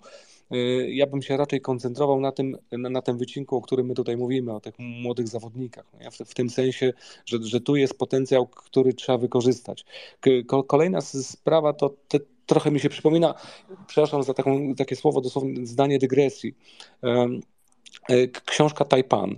E, to jest książka, która generalnie opisuje e, czasy powstania Hongkongu i, i, jakby inwestycje Chin. Chiny w zasadzie niewiele wiedziały o żegludze i jakby płaciły wielkie pieniądze Anglikom za to, żeby, żeby szkoliły marynarzy, kapitanów, etc. To były potężne pieniądze. I Anglicy zachodzili w głowę, dlaczego oni takie potężne pieniądze płacą za coś, co, co my mamy w jednym palcu. No właśnie generalnie o to chodzi. No nie? To chodzi o to doświadczenie. My również na, na, na tym segmencie trenerskim musimy to doświadczenie zbudować, bo jak nie zbudujemy, to, to niestety ten sufit będzie na takim poziomie, na jakim, na jakim on jest. I, wyżej tego sufitu może, może jednostkami przeskoczymy, ale, ale, ale nie bardzo poradzimy sobie jakby ze światem, który będzie nam uciekał, bo to jest tak, że jak stoimy w miejscu, to to świat wykonuje krok albo dwa kroki do przodu i nam po prostu ucieka. Co, co do Krychowiaka, no to darzę go ogromnym szacunkiem, że on wytrzymuje tą presję tych memów, które pojawiają się y, w internecie. No, fantastyczny zawodnik, który generalnie w swojej historii popełnił błąd, że, że, że odszedł z Ligi Hiszpańskiej. Gdyby tego nie zrobił, to ja zakładam, że, że, że, że, jego kariera mogłaby się potoczyć inaczej. A to jest tak, że jak kariery toczą się inaczej, to, to my jesteśmy innymi ludźmi. Mówię tutaj o, o ludziach jako piłkarzach.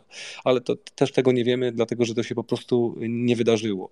E, dla mnie absolutnym fenomenem, takim fenomenem z najlepszych e, meczy Napoli E, był e, Piotr Zieliński. W zasadzie jeden z komentatorów powiedział takie zdanie, które brzmiało mniej więcej w ten sposób, że jak zaczynasz e, piłkę prowadzić z linii obrony, to musi ją dotknąć Piotr Zieliński. I to dzisiaj było generalnie widać. I to było też kluczem do sukcesu. Nie potrafię znaleźć odpowiedzi dzisiaj na pytanie, dlaczego Piotra Zielińskiego przez trzy pierwsze mecze nie było, a, a tak naprawdę to, to był klucz. To, że Wojtek Szczęsny miał okazję, żeby pokazać kunszt, no to była wypadkowa między innymi tego, że nie było Piotra Zielińskiego. Nie było wielu zawodników, oni na mecz po prostu nie dojechali. Natomiast przede wszystkim Piotra Zielińskiego nie było. Brakowało właśnie te, tego czegoś, co byłoby zapalnikiem, takim kreatorem e, inicjatywy. No, tego zabrakło.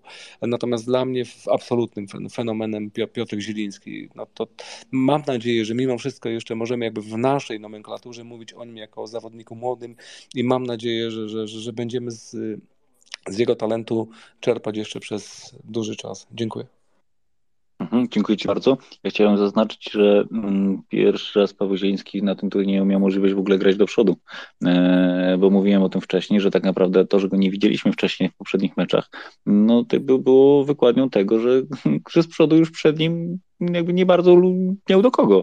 A w dzisiejszym meczu tak naprawdę no miał co najmniej trzech, czterech zawodników zawsze przed sobą, miał piłkę na ziemi, przodem do bramki przeciwników, na środku boiska i miał miejsce, żeby sobie to rozegrać. Czy to właśnie od Krychowiaka, e, czy to gdzieś do rogu, e, czy z Kamińskim, czy z Keszem. Tak naprawdę to było widać, e, że wreszcie jest tam, gdzie powinien być od pierwszego meczu. No tylko tyle, że ta taktyka w poprzednich meczach była po prostu nieskrojona absolutnie pod niego. Nie było miejsca, nie było komu, nie było jak. Jakby on, on moim zdaniem też jakby udowodnił, że to jest jednak światowej klasy piłkarz, a na tym e, pokoju, tutaj, na tych audycjach, no jednak było słychać różne głosy. Proszę e, rachunki sumienia zrobić, drodzy koledzy. Mm, ewentualnie ci, co odsłuchują to potem z odtworzenia. Jakubie, zapraszam Cię. Dzięki. Nie wiem, do czego najpierw się odnieść. Może do tego wieku piłkarzy. Yy, taki skrót myślowy zrobiłem, ja chyba też powiedziałem o tym yy, młodym kiwiorze. W, w, mojej głowie ten młody kiwior to tylko dlatego, że on yy, nie ma doświadczenia w, w kadrze, bo jakby moje zdanie jest takie samo. Młody to, to 19-letni, a nie dwudziestokilkuletni. Mm, to na początek. Odnośnie Zielińskiego i tego, co powiedziałeś Mateusz, to nawet nie chodziło o to według mnie, że mm, w poprzednich meczach on nie miał do kogo zagrać. Nasza drużyna jest stosunkowo łatwa do wiesz, usadzenia, jeżeli ktoś ją wiesz, sumiennie przeanalizuje. E, wystarczy spowodować, żeby piłka nie wyszła z naszej obrony. To było to, czego nam zabrakło w Argentynie. Mówiłem o tym. Wystarczyło jedne, je, je, jeden sposób, jedno miejsce, jednego człowieka, który potrafi zrobić tą, e, tą transmisję piłki wyżej, tak? Jeśli zabierzemy Zielińskiego od Lewandowskiego i przesuniemy go pod naszą bramkę, to Zieliński to zrobi, tylko wtedy e, nie będzie mógł zagrać do Zielińskiego pod tamtą bramką, tak? E, to to u nas e, jakby zawodzi. E, co do Krychowiaka, miałem duże obawy, bo też różnie z nim bywało, natomiast chyba wszyscy tutaj znacie moje zdanie o Krychowiaku. Ja za turniej będę go chwalił bardzo. Nie zawiódł. Jego mm, mankamenty w ostatnich latach to była gra na stratę albo na wymuszanie faulu, który bardzo często wymuszany był w taki sposób, którego sędzia nie kupował. Na tym turnieju był bezpieczny, mm, był przewidywalny, to co mógł wyczyścić, to wyczyścił. Tam, gdzie mógł przeszkodzić, to przeszkodził. Kartek nie łapał, fauli nie robił, strat nie robił. No dzisiaj chyba zrobił jakąś taką jedną dziką stratę, czy może z Argentyną coś mi się tam zdarzyło. Ale generalnie Krychowiaka bym nie, mm, nie, nie pokazywał palcem wręcz, pokazywałbym go jako jednego z trzech czy czterech najlepszych piłkarzy na turnieju. Generalnie co do drugiej linii, no to mm, skupię się na pozytywach. Mamy y, Zaleskiego, który miejmy nadzieję, trzymajmy kciuki, zrobi nam wielką karierę, bo wiecie, perspektywa dwóch czy trzech lat to jest sytuacja, w której Lewandowski zasalutuje i pójdzie do szatni, już nie wróci na kadrę.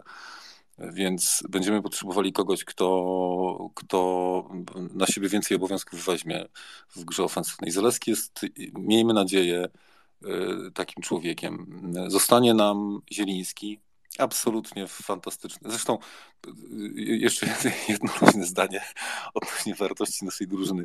Ja nie, nie sprawdzałem, nie wiem ile, ile jesteśmy warci, ale tak sobie myślę, że jeżeli to jest 220 milionów i wyjąć z niej lewego, Zielińskiego i Szczęsnego, to nie wiem, czy zostanie 30 milionów, nie?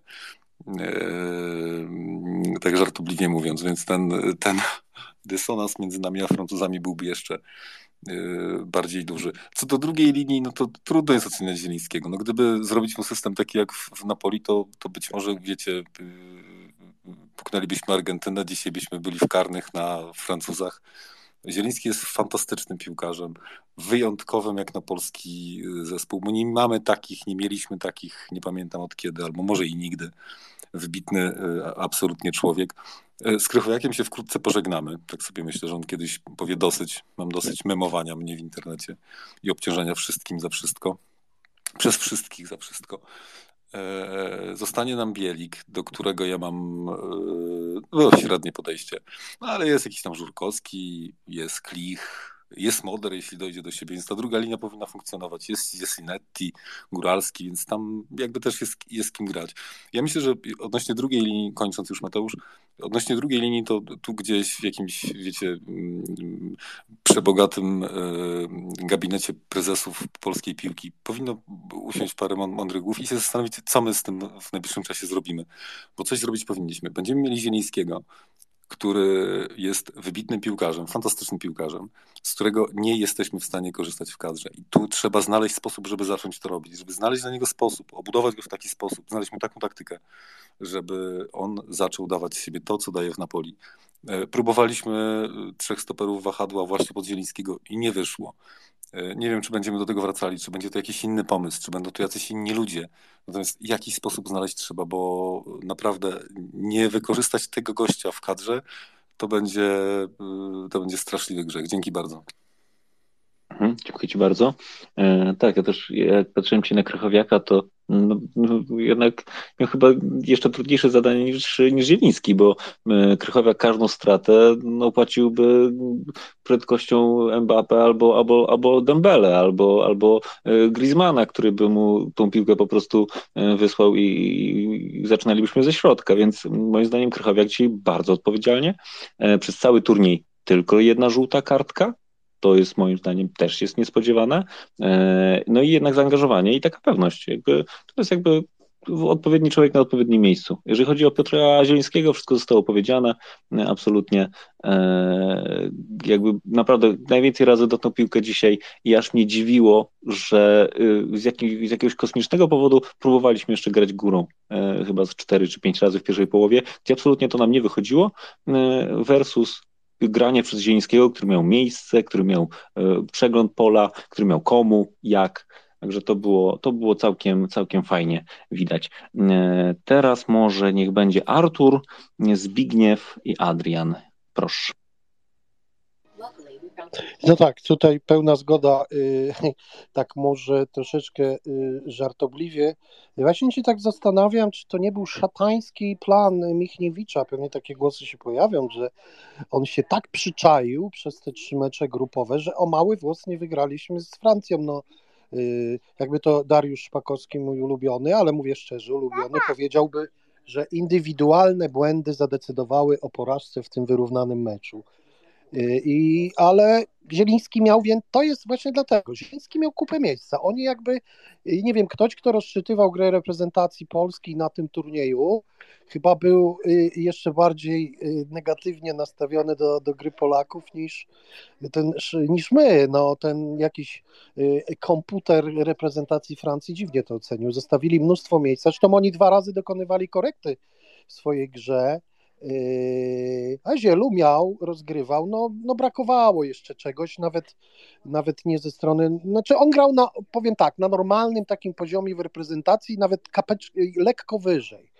Yy, mieliśmy, nie wiem, yy, ja nie jestem aż tak biegły w, w, w, roz, w jakby w, w, analizie meczu, analizie pomeczowej, żebym wiedział, jaki był plan trenera Francuzów, jak, jak on, jak jak on to ułożył wszystko. Yy, no bo to Francuzi, ale to, to, to, klasowa drużyna zawsze może skorygować grę w trakcie meczu, także yy, to wyglądało dobrze. Yy, Giroud, chciałbym tylko o Griezmann, przepraszam, Griezmann. Ja mam wrażenie, że z nim to jest jak z Krzysztofem Ibiszem. Z roku na rok jest coraz młodszy i gra coraz lepiej. No to jest, dla mnie to jest geniusz. On może nie widać go tak na boisku, ale to, co robi, no, to, jest, to jest coś niesamowitego. E, ja bym powiedział tak, że e, no, brakło nam klasowych piłkarzy. Pewnie jeszcze wrócimy do tematu. E, według mnie dzisiaj Robert Lewandowski zagrał jakiś bardzo dziwny mecz, według mnie słaby mecz. Kolejny słaby mecz. Ja wiem, że zapewne tutaj zostanę od razu spuszczony, znaczy, żeby wysłany tam, że, wiedział, gdzie jest moje miejsce, że miał inne obowiązki, on się dzisiaj cofnął mocno. Znaczy ja bym powiedział inaczej, Robert się nie cofnął, tylko drużyna nieco przesunęła się do przodu, ale też chciałbym usłyszeć waszą opinię. Pewnie Mateusz mnie tutaj skrzyczy, bo to pewnie był jego następny krok, no ale sorry. Nie, Arturze, spokojnie. E, już się pogubiłem, czy Zbigniew, czy Adrian. Nie wiem, jak powiedziałem za pierwszym razem. No Zbigniew, ja, byłem, ja, byłem, ja, ja, byłem nawet przed Arturem, ale jeszcze ci będzie. Wiem, wiem, Zbigniew, ale ty tak dużo mówisz, że muszę tutaj chłopakom troszeczkę dać. Nie, no, bo, no słuchaj, no bo od razu wrzucasz kilka, kilka takich pytań, no trzeba by się odnieść. Ja może to za bardzo analitycznym okiem patrzę, e, no bo ogólne wrażenia, no to mogę jakby po powiedzieć. No ale dobra, nie będziemy tego dyskutować. E, no ale muszę na przykład się odnieść odnośnie, e, e, że tak powiem, składu, jeśli chodzi o wiek. Słuchajcie, to jest stara, stara, stara choroba naszych trenerów. Zobaczcie wypowiedzi niektórych trenerów. Wpuściłbym, no ale jeszcze jest ma, młody, nieograny, brak doświadczenia. No to kiedy on będzie? Czy on trenuje, gra w drużynie, na przykład czy w ligowej, czy w takiej. Najlepszy przykład jest Kuby Kamińskiego wszedł do reprezentacji, grał w Lechu dobrze, poszedł za granicę, grał. To ja jeszcze wrócę na, już nie będę innych nazwisk wymieniał poza Kozłowskim. Był w kadrze, Sousa go puścił, nie dał plamy, robił postępy. Młody chłopak. 16 lat grał w, w, w tym, w pierwszym składzie Pogoni, 17 tu tego, no i, i młody zadebiutował.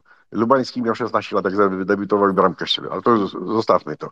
Y, co do, y, teraz jak mówię, kończymy umawiać, y, że tak powiem, linię pomocy, tak, bo właściwie to chodziło o Krychowiaka, no ale już, żeby to było szybciej, to ja tu się akurat wyjątkowo z Kubą zgadzam.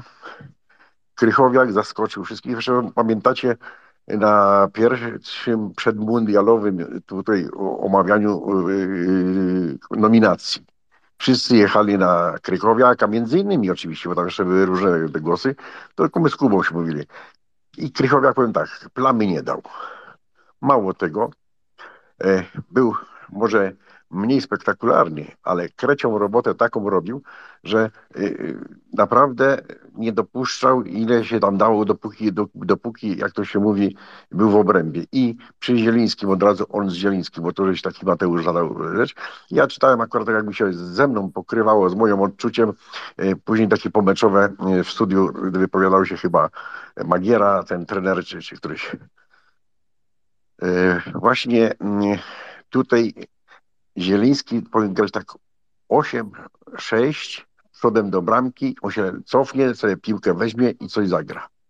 I to, co jak pamiętacie, jak mówiłem, że Zieliński według mnie jest najlepszym piłkarzem technicznym w reprezentacji Polski, notabene nie spełnia roli od x lat. Od x lat.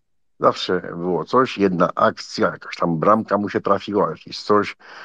Zaraz był przebłysk geniuszu w komentatorach, jak jedno zagranie było, ale cały mecz przechodził. Dzisiaj o dziwo balans ciała, fajnie. No, były momenty, że zwróćcie uwagę, że no, zawodnicy francuscy, niektórzy byli ośmieszeni. I tak było do 60 minuty, 60, 65. Później jakby zginął, mało tego, już wpadł w stary nawyk reprezentacyjny, przytrzymać, gdzie mógł podać kółeczko, zobaczył, gdzie i mnie to właśnie te dwie, dwie trzy dwie sytuacje takie wkurzyły, gdzie Kamiński wychodził pięknie, pusto, gdzieś pogubieni wszyscy na lewej stronie i Francuzi i tak dalej. On popatrzył, poszedł z piłką mecz i pakował się na prawe skrzydło, gdzie to było zagęszczenie i naszych, i Francuzów. Były takie dwie piłki czyste, że a Kamiński, no dzisiaj co tam dużo mówić. To, to, to jest dla mnie przyszłość taka reprezentacji, nie wiem czy, czy nie na, na, na miarę, załóżmy, e, Lewandowskiego, oczywiście inna pozycja, inne, żebyśmy mieli, zachowajmy proporcje oczywiście, ale tak dla, dla, dla ułatwienia. Więc Zieliński dzisiaj rozegrał chyba jeden z najlepszych meczy, bo te pełne 60 minut to było go widać, i dawał znać do siebie. Jemu brakowało tej bramki. Także tutaj tego. I co do tutaj do Napoli. To samo w Napoli gra więcej takich właśnie sytuacji. Ale jedno trzeba zaznaczyć, że on miał do kogo nawet na te trzy metry piłkę y, oddać i żeby się dalej przesunąć i znowu ją wziąć i tak dalej, bo szliśmy, to co mówiłem, dzisiejśmy w miarę zachowali małe y, dystanse między formacjami i to, to, to mogło zatrybić i jemu zatrybiało. Także tego.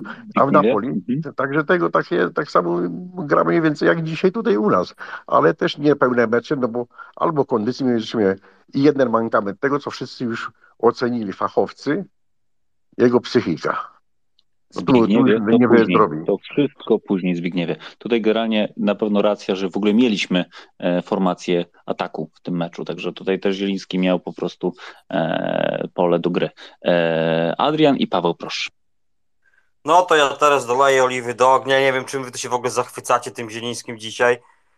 Ja nie wiem, chyba inny mecz oglądaliśmy, albo chyba już. Bo ja na jedną rzecz zwróciłem uwagę. Okej, okay, to nie jest piłkarz klasy światowej, może na drugą, trzecią dziesiątkę tych reprezentacji może jest. Mnie w jego grze dzisiaj denerwowały na rzecz. Okej, okay, miał tu piłkę, ale w drugiej połowie wszystkie jego decyzje były złe. Albo piłkę za bardzo przytrzymał, zabrakowało podania w pierwsze tempo. Moim zdaniem był, ok, ma to coś, ma, ma tą technikę, ja mu nie odmawiam, bo w sumie w naszej kadrze nie ma lepszego zawodnika, a ja totalnie nie, się nie zachwycam, bo on tych akcji w ogóle nie przyspieszał. Albo to piłkę za bardzo przytrzymał, albo w tempo za późno. Ja jak widziałem, jak Francuzi dwoma, trzema podaniami jak idą, to od razu był pożar. I ja tego samego oczekuję od Zielińskiego, a tego po prostu dzisiaj nie było. W drugiej połowie to mnie ja, e, szlak jasny trafił, że miał dwie, dwa, trzy razy mógł tak fajnie w kilku akcjach rozegrać, że naprawdę mógł być taki pożar, jak robili to Francuzi. Więc ja nie wiem, ja wiem, że te zagrania jego, ta technika, to fajnie jest, jak można by było sobie sklecić filmiki na YouTube'a wrzucić, że taki kibic YouTube'owy zobaczą, no, Zieliński ma technikę i wy może na to tylko zwróciliście uwagę, ale ile razy on to piłkę źle rozegrał, ile razy nie podał w tempo, ile razy zaprzepaścił naprawdę na kontratak, więc ja w tym meczu, okej, okay, miał technikę, był pod grą, ale ja od niego naprawdę wymagam, że będzie mi przynajmniej tak jakoś jak mieli ci Francuzi, co praktycznie 2-3 podania i był pożar, więc Ja w ogóle nie rozumiem, że wy tu się zachwycacie, że to wielki piłkarz. Okej, w Napoli swoje tam gra, ale też większość meczy chodzi z ławki, gdzie już zawodni, zawodnicy są podmęczeni, ma więcej miejsca, tak jak dzisiaj i może pokazać swoje walory. Ale moim zdaniem to nie jest jakaś tam półka światowa, to jest półka na 20 reprezentację, 30 reprezentację. No z takimi, tak jak mamy teraz w eliminacjach Mistrzostw Europy, no to tam te asysty będzie siekał i tak dalej. Ale jak dzisiaj zobaczyłem Francuzów, tak jak wcześniej mówiłem, konkretną, fajną drużynę z czołówki, no to Zieliński ma zdecydowanie odstawał i nie miał tej jakości. I ja naprawdę, dla mnie to nie był jego super wybitny mecz, bo w dwóch, trzech sytuacjach w drugiej połowie naprawdę mógł szybciej w tempo podać. Byśmy wychodzili jeden na jeden, jeden na dwóch, a on wziął piłkę oczywiście od holowania, później Francuzi odbudowują ustawienie i sobie Zieliński sobie klepie, wy tu się podniecacie, że on miał ładne kontakty, że on, ale co z tego, jak że on nie potrafił w tempo, nie potrafił nadać yy, szyb, szybkości tym akcjom. Weźcie pod uwagę, że w drugiej połowie tylko w końcówce no to by praktycznie sytuacji nie myślał. A naprawdę Zieliński miał dwie, trzy takie piłeczki, co mógł naprawdę podać, a mało pilności, więc ja do nie, od niego wymagam, żeby on nie był na tym 20-30 y, miejscu, ale żeby, żeby był w tych drużynach w top, więc wy mówicie ma technikę, no ma technikę, ale do tych Francuzów wszystkich to nawet nie ma, nie ma w ogóle podjazdu, inne w ogóle myślenie, wszystko. Ja wiem, że on jest najlepszy, z braku laku nie mamy na tą pozycję lepszego. Ja widzę, że może kiedyś Szymański go przygonić myśleniem i techniką. No technikę chłopak ma, ale mi się jego gra dzisiaj totalnie nie podobała, bo naprawdę mógł zrobić zdecydowanie więcej, zdecydowanie lepiej to wszystko rozgrywać. Ja wiem, że to fajnie się ogląda, jak on przyjmie, jak on kiwnie, że w końcu ktoś tu y, nie, od piłki nie ucieka, że ktoś się stara rozegrać, ale kurczę, ten gościu gra w Napoli, idą w sumie na mistrza, więc ja od niego naprawdę wymagam, że on jednym podaniem, czy tą dwoma podaniami sytuację nam sam na sam stworzyć coś. A dzisiaj miał takie możliwości, więc ja nie wiem, czy wy tu się podniecacie, że jakiś genialny mecz. Nie, mecz, mecz miał fajny, bo miał piłkę, ale mógł więcej, z jego gry można było naprawdę więcej wyciągnąć. Ja mam takie zdanie, że jest dobry, ale pewnej poprzeczki nie przeskoczy i z braku laku, no nie mamy obecnie lepszego. Na tych cieniasów w eliminacjach to nam będzie starczać, ale żeby gdzieś tam jakoś rolę rozegrać, to on jest cienki w uszach. To jest takie moje zdanie, możecie mnie teraz totalnie pojechać, ale ja nie patrzyłem na efektowność, tylko patrzyłem, co z jego gry wychodzi do przodu i co z jego drużyna korzysta. A tak naprawdę nic nie pokorzystała, bo on tylko tu piłkę miał, poklepał, popodawał, a my sytuacji czystych z tego nie mieliśmy. A w piłce o to chodzi, tak jak Francuzi mieli masę sytuacji, w piłce o to chodzi, żeby mieć sytuację i strzelać bramki. A takie klepanie to sobie można na Orliku poklepać. No takie jest moje zdanie. Okej, okay, Adrian, faktycznie dorzuciłeś granat, to fakt. E, tutaj właśnie powolutku będziemy przesuwać się w kierunku tego, gdzie ten Piotr Zieliński mógłby tą piłkę zagrać mm, i proszę tutaj o analizę z wyłączeniem Roberta, Roberta Lewandowskiego, dobrze? Bo jego sobie zostawimy na końcu, czyli tutaj mówimy o Kamińskim, o Frankowskim, o Szymańskim, e, o Grosickim, e, tutaj o tych zawodnikach. O to bym bardzo prosił e, parę słów. E, I Paweł jest pierwszy. Bardzo proszę. Adrian, to, to jest tak, że jakby każdy widzi to, to, to co widzi, no i jakby to, to jest twoje i nikt raczej nie ma nic do tego, co ty widzisz. Możemy się jakby spierać, pokazywać własne obrazy i to wszystko. Natomiast najważniejsze jest to, żeby to zrobić kulturalnie. Jeżeli mówimy o Zielińskim, o tym jak on grał, no to ja chciałbym tylko przypomnieć, że generalnie on nie grał dzisiaj w Napoli, to znaczy na, na tych pozycjach, na których on codziennie ma swoich kolegów, kolegów z którymi y, co, codziennie trenuje, których podania, nawyki zna na pamięć, to on ich dzisiaj nie miał. Generalnie to jest tak, że że, że my nie mamy też zawodników klasy Napoli. To też jest tak, że, że ja, ja bym aż tak daleko, y, daleko posuniętych oczekiwań w kontekście całej reprezentacji w stosunku do Zielińskiego nie miał. I czasami to jest też tak, że yy, możesz kupić Coca-Colę, ale jak nie masz 5 zł, to kupujesz Polokokte za 3. No generalnie tak trochę jest z naszą reprezentacją, nie? że my jesteśmy taką, taką drużyną z, z, za 3 zł. Yy, ale to, to jest jakby mo, moja ocena. Yy, natomiast domykając już na sam koniec temat zawodników młodych, to chciałbym powiedzieć i jakby trochę przenieść yy, taką wypowiedź Marciniaka, nomen omen z, z Kataru. On został zapytany, jakie jest jego zadanie na tych mistrzostwach i odpowiedział, że że, że generalnie chronić zawodników, prze, przede wszystkim tych najważniejszych. No nie? I to jest tak w kontekście młodych zawodników, że, że my już dzisiaj powinniśmy myśleć o tych młodych zawodnikach, chronić tych, których mamy, ale też bezapelacyjnie i, i przede wszystkim permanentnie interesować się tą młodzieżą, która jest właśnie w wieku 15, 16, 17 lat. Natomiast nic się nie zadzieje bez jakby takiego bez konkretnego schematu pracy z tą młodzieżą w Polsce. No bo generalnie jak patrzymy, to, no to kiedy młody zawodnik 22-23-letni w naszej nomenklaturze istnieje w reprezentacji Polski? No wtedy, kiedy się wybije za granicą. A dlaczego to nie może być zawodnik, który wybija się w Polsce? No jak, jakoś to tutaj coś, coś, coś, coś nie pykło. Y, co do, co do Zielińskiego i tego, w jaki sposób mógł rozgrywać piłkę i do kogo rozgrywać, w mojej ocenie jakby kluczem dzisiaj, chociaż myślę, że, że, że to, to nasi dzisiejsi przeciwnicy zauważyli tą pewną niedyspozycję y, Roberta i to jest tak, że samo nazwisko w mojej ocenie trochę zobowiązuje w takim sensie, że, że, że pamiętajmy, że jest Robert Lewandowski. Natomiast gdyby tak wrócić do, do meczu z Argentyną, czy, czy poprzednich meczów, no to jeszcze nie byliśmy tak zanalizowani przez przeciwników i niejednokrotnie Roberta kryło trzech czy czterech zawodników, więc ekspozycja Zielińskiego no, dla mnie była nienaturalna w tym sensie, że, że on miał du dużo przestrzeni do tego, żeby się pojawić i żeby operować na tych wolnych przestrzeniach ale z jakiegoś powodu tego nie robiliśmy, nie wykorzystaliśmy tego. Nie wiem, może taktyka, ale to, nie, nie będę tak, tak daleko się wracał. Dzisiaj na pewno y, Robert Lewandowski mm, był tą osobą, która y, pozwalała również y, operować w pewnych strefach Zielińskiemu. Czy, czy mógł coś zrobić Zieliński lepiej? Mi się jego gra podobała naprawdę e, bezapelacyjnie i wydaje mi się, że, że jeżeli przyjmiemy, że jesteśmy ludźmi i nie wszystko wykonujemy doskonale, e, to, to jego gra dzisiaj była naprawdę na bardzo wysokim poziomie i w mojej ocenie e, czy mógł zrobić coś lepiej? No na pewno gdyby ta brama na 1-0 wpadła, zresztą sam w komentarzu po meczu powiedział, że walił tą piłę po prostu na siłę. Gdy, gdyby uderzył pod poprzeczkę troszeczkę technicznie, to, to, to pewnie byłoby 1-0, byłoby inaczej, no ale to się nie wydarzyło, więc tego też nie przeanalizujemy. Inaczej, no możemy przeanalizować, natomiast z mojej perspektywy to, to, już, to już nie ma sensu, y, bo, bo, bo przegraliśmy ten mecz. Ja raczej bym się starał odpowiedzieć na te pytania, które ty Mateusz zadałeś, co on mógł zrobić i jak tą piłkę y, generować i w które kierunki y, prowadzić tą piłkę, dlatego że to ma znaczenie w kontekście przyszłych meczów. I, i to, to jest ważne. Natomiast dla mnie Zieliński dzisiaj był zawodnikiem naprawdę klasy światowej, formatu światowego i, i to, w jaki sposób on tą piłką operował, to, to absolutnie. Ja nie, nie bez przypadku powiedziałem, że, że to był poziom Napoli i w zasadzie e, ten body language to, to był taki stricto z, z Napoli, co oznacza w moim mniemaniu, że, że grał tak jak w Napoli. Dzięki. Mhm, dziękuję Ci bardzo. Mm, fajna analiza, bardzo, bardzo mi się podoba. E, dużo informacji. Tak, o Robercie Lewandowskim, mm, jakby dlatego go zostawiłem na koniec, dlatego że właśnie najmniej go było widać z przodu. Tutaj, jeżeli ja mogę coś dopowiedzieć od siebie, to moim zdaniem Grosicki powinien zmienić, e, zmienić Frankowskiego dużo wcześniej. E, tak naprawdę Grosicki wszedł trzy minuty przed końcem regulaminowego czasu. Było widać jakby różnicę kondycyjną w stosunku do tego, co tam się, co tam się działo akurat w tej, w tej części boiska, ale mm, no jednak Grosicki moim zdaniem powinien no, rozegrać co najmniej 30 minut i e, bo też jest moim zdaniem takim pewnym, pewnym elementem tej drużyny.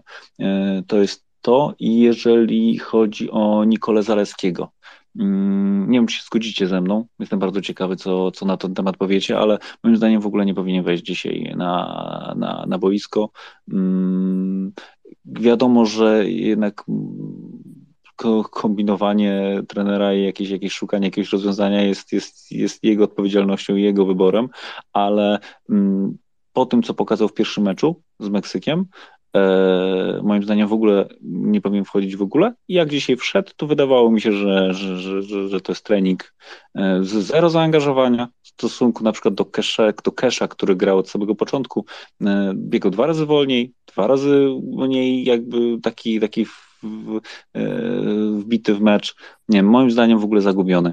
Też chciałbym zwrócić uwagę na to, jak, jak E, Milik wszedł e, w ogóle też nieodnaleziony tak naprawdę na boisku. Mm, kilka razy piłkę miał, też pomógł przy chyba przy, przy trzeciej bramce e, Mbappe, tam też gdzieś nie dobiegł, nie, nie, nie, nie, nie zdążył. Jak na zawodnika, który wchodzi na 20 czy, czy, czy 25 minut meczu, no to po moim zdaniem powinien się jednak kondycyjnie wyróżnić na plus. Teraz wy chłopaki możecie mnie zweryfikować. Jakub, bardzo proszę. Dzięki.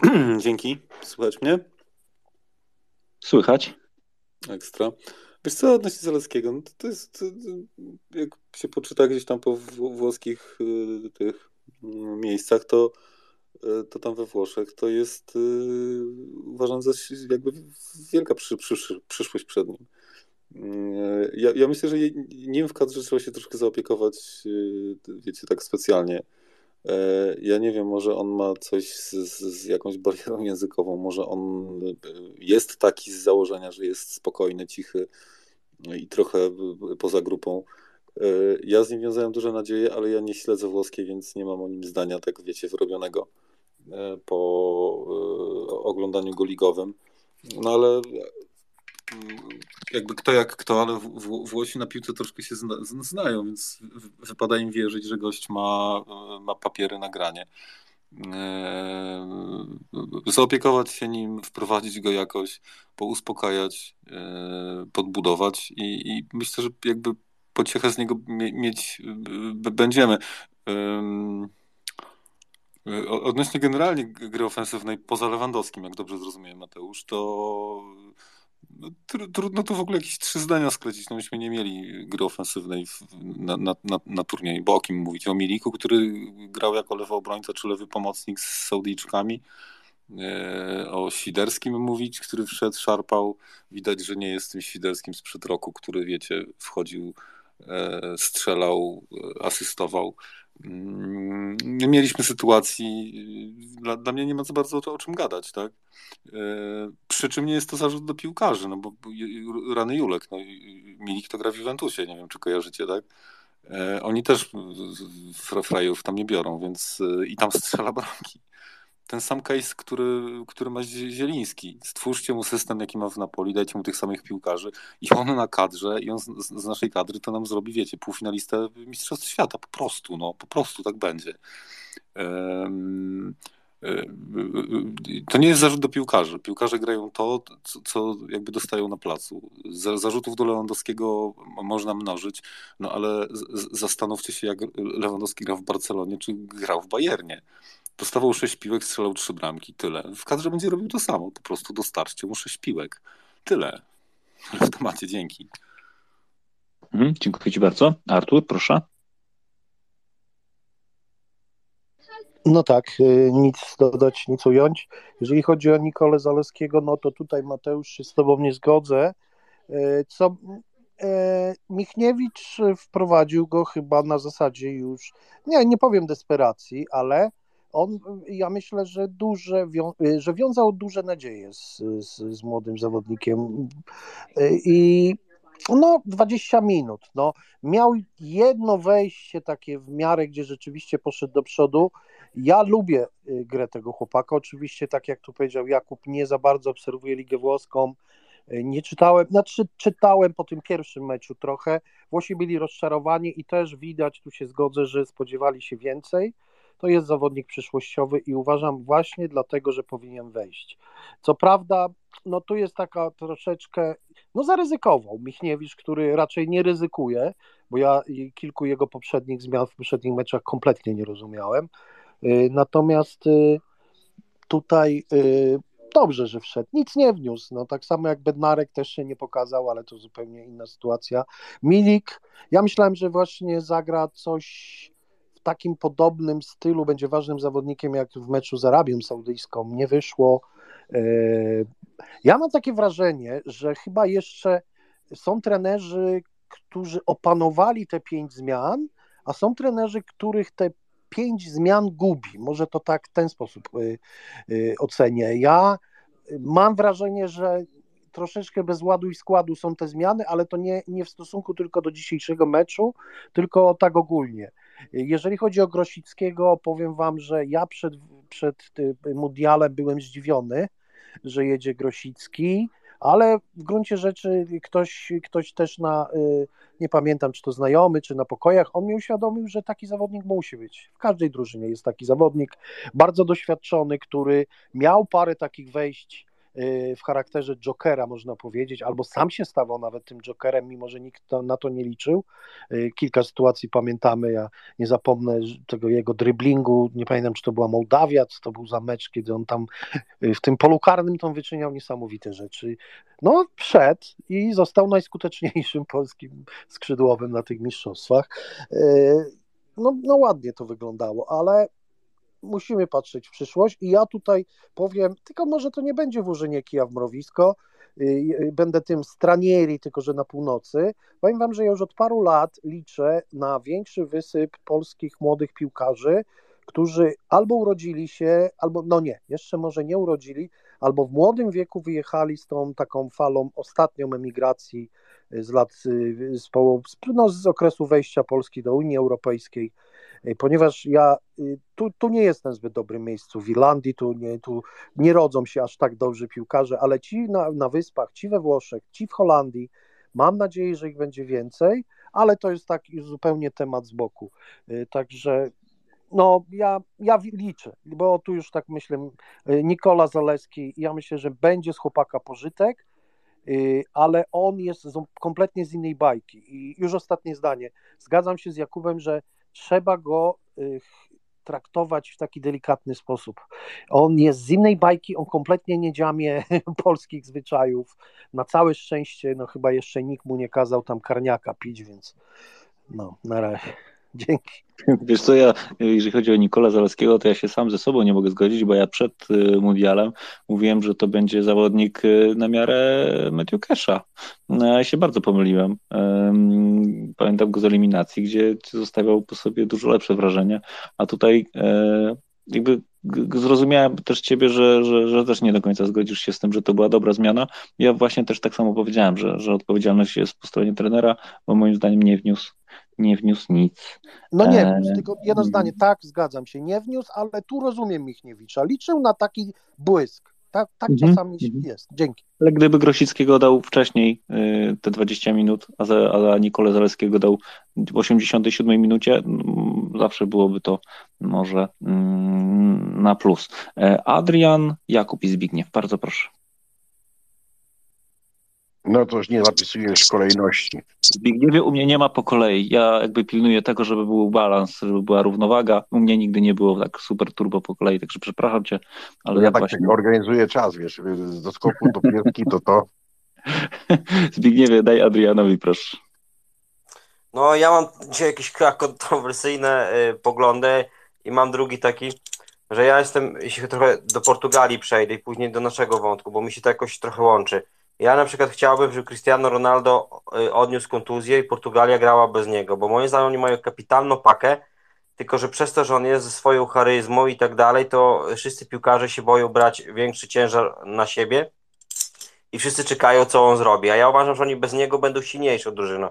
I tak sobie myślę, jak Lewandowski skończy powiedzmy karierę reprezentacyjną, nie gra jak najdłużej, ja mu tam nie żałuję, nie gra, rekordy bije, ale na jedną rzecz chciałbym zwrócić uwagę, że wtedy moim zdaniem drużynowo będziemy mieć o wiele silniejszą drużynę, bo mamy tak, Lewandowski super top, niżej jest Zieliński, a dalej trochę bieda.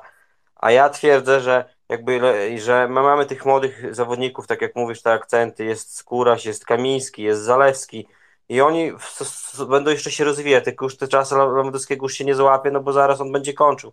I ja twierdzę, że wtedy te akcenty będą lepiej rozłożone, nie będzie takiej jednej super gwiazdy. Na przykład ja teoretycznie wolę takich powiedzmy dziś, takich na takich topów, zamiast jednego Lewandowskiego to wolę 10 Zielińskich i ta drużyna byłaby mocniejsza, bo była bardziej zbilansowana.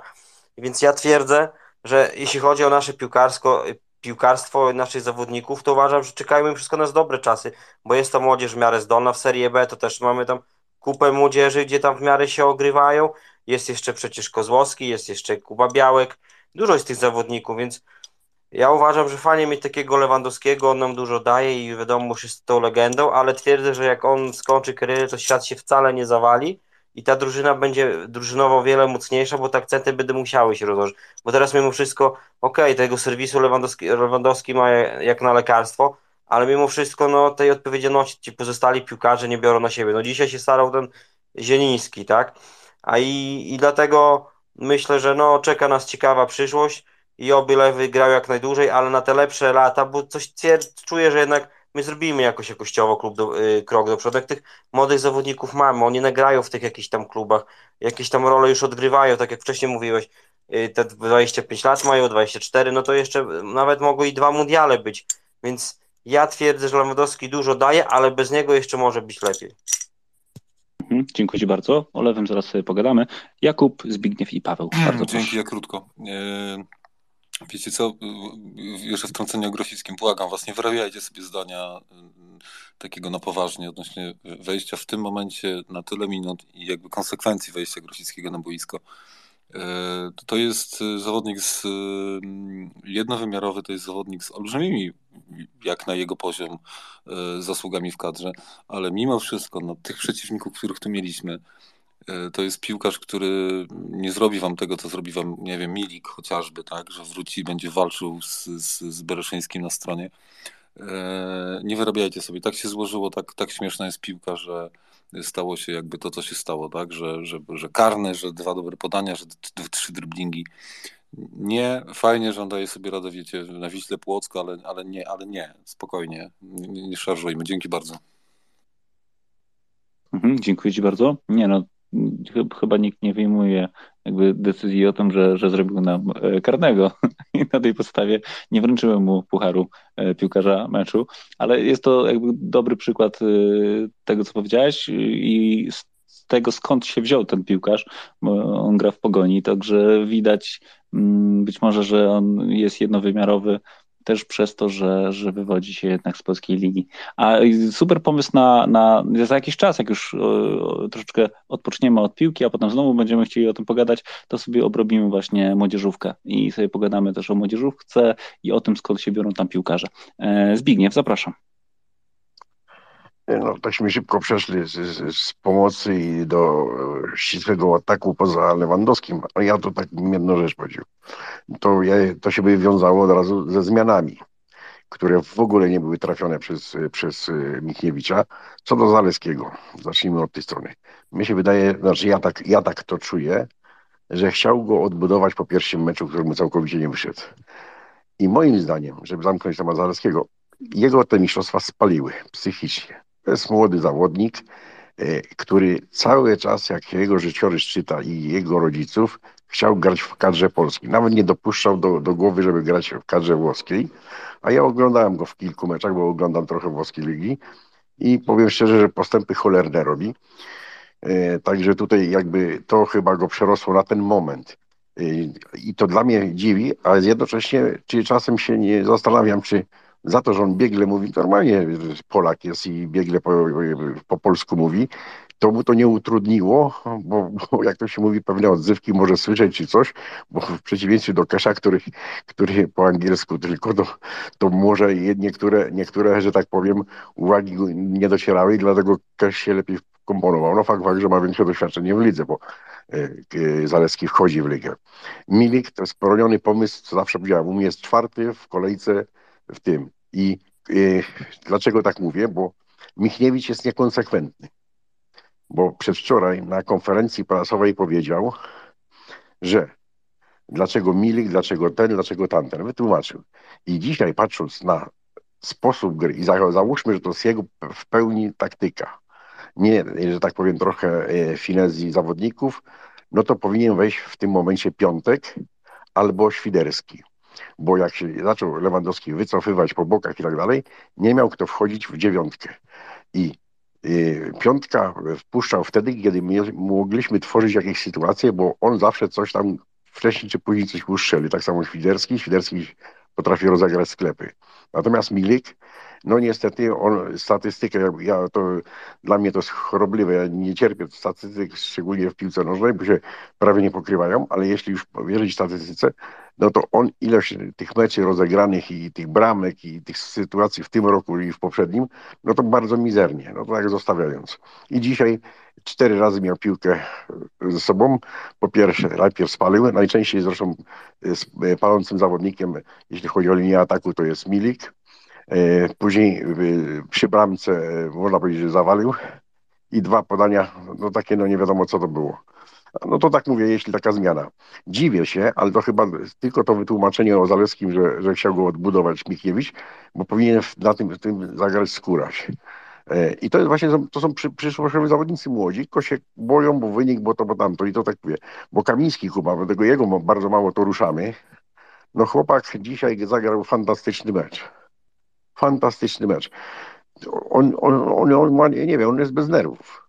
on nie, nie przejmował się, że ma na boisku Mbappé gra, Griezmann, te inne, cała mistrzowie świata. On swoje robił, szedł jak trzeba, jak przecinak i dribbling i to i przegląd pola i tak dalej, i tak dalej. I tu mógł zagrać to właśnie to, co mówiłem wcześniej. Zieliński dwie piłki, gdzie był całkowicie puściutki, mógł sobie wejść prawie że w szesnastkę. No ale to zostawmy to już z Zielińskim. Także tutaj jest to ten potencjał. I tutaj się z Kubą nie do końca zgodzę, co chociaż w całości się zgodziłem, co mówił, co do Grosickiego. E, bo widzisz, Grosicki to nie jest y, y, jakiś tam kapiszon skądś. On teraz gra w polskiej lidze. Ale przecież kupę lat w zagranicznych ligach grał i we francuskiej, i w angielskiej, i, i, i tureckiej bodajże, jak sobie dobrze kojarzę. Także tutaj to nie jest tak, że y, on nie, nie zna tego chleba. A ja go oglądam na żywo, ostatnio oglądałem, przed samymi Mistrzostwami Świata oglądałem go na żywo, to wbrew pozorom 90 minut, ostatnie cztery mecze, 90 minut grał w lidze i to jak ja go widziałem, to od bramki do bramki. Także tutaj się zgadzam z Mateuszem, zresztą powiedziałem na samym początku, yy, yy, że powinien go wprzeć więcej, częściej i wcześniej. Nie ostatnie minuty, bo on w ofensywie poprawił bardzo de defensywę, ale w ofensywie to on jest cwaniak. To jest kuty na cztery łapy, jak to się mówi, i zresztą pokazał tymi, tymi zagraniami w krótkim czasie. I zobacz, jak tylko wszedł Grosicki, to jakby odżył na chwilę Zieliński. Dwie piłki rzucił do Grosickiego. To, to, to wiedział, że coś z tym zrobi. Nie straci byle jak piłki. A ponadto niekonwencjonalne zagrania i zewnętrzniakiem, i tak, i siak. Także to było widać, jeśli chodzi o linię, linię taką pomocy. Jedno zdanie na Bielika. No wszedł dzisiaj. Szczerze mówiąc, krzywdy nie zrobił, ale raczej te, te zagrania, czy tego, to dość pozytywnie. No chyba y, ten krótki fragment to był lepszy niż poprzedni y, jego występy. To tak jakby, bo takśmy szybko przeskoczyli, pominęliśmy tego, tego, tego zawodnika, także uważam, uważam, że tutaj jest tego. Także tutaj te zmiany poza e, Grosickim to całkowicie nietrafione. No Bielik, mówię, nic, nic nie zrobił, ale za wiele nie wniósł. W każdym bądź razie dwie tam trzy piłki takie szybko odegrał z pierwszej. I tutaj Zaleski, no to mówię, dla mnie powinien wejść, wejść skórać, no ale usprawiedliwiam, że chciał go odbudować, żeby z tych mistrzostw i wracał, bo oglądam go, jest to zawodnik przyszłości, a raczej jest, będzie pilnowany, bo ma takiego trenera, że, że raczej nie będzie się cofał wstecz, to tyle. Mhm, dziękuję Ci bardzo. E, faktycznie Grosicki grał w drugiej lidze e, angielskiej i w tureckiej pierwszej przez e, chyba jeden sezon. W dwóch klubach francuskich w pierwszej lidze. Tak, grał jeszcze w Rennes, widzę. Dobra, okej. Okay. Także jakieś tam doświadczenie ma, ale pamiętajmy o tym, że jesteś tak dobry jak twój ostatni mecz, a na razie gra w Pogoni, więc yy... i ty masz rację i myślę, że Kuba też. Paweł, zapraszam. E, chciałem się odnieść e, do Adriana i do tego kontrowersyjnego tematu. Co prawda nie dotyczy reprezentacji Polski, ale, ale łączy się z reprezentacją Polski, ponieważ łączy się z Lewandowskim i łączy się ze zmianą pokoleń. E, I to wcale nie jest żadna kontrowersja tak naprawdę a propos tego, o czym powiedziałeś Adrian, bo wielu trenerów europejskich zapytanych o to, czy widziałoby w swojej drużynie Ronaldo, odpowiada, że, że nie jak zapytani e, zostali o to, dlaczego nie widzieliby Ronaldo w swojej drużynie, to mówią o tym, że największym problemem e, bycia Ronaldo w ich drużynie jest to, że muszą taktykę, że, trenerzy, że muszą taktykę drużyny dostosowywać nie do przeciwnika, a do, do Ronaldo, do jego dyspozycji. I to jest jakby największy problem, ponieważ katalizowany automatycznie jest potencjał drużyny, więc to jakby to mnie nie dziwi.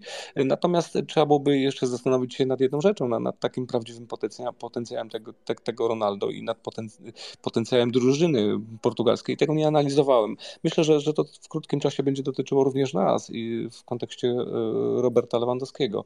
To tak tyle w uzupełnieniu tej, tej kontrowersji, która w mojej ocenie nie jest kontrowersją a propos wypowiedzi Adriana. Dzięki.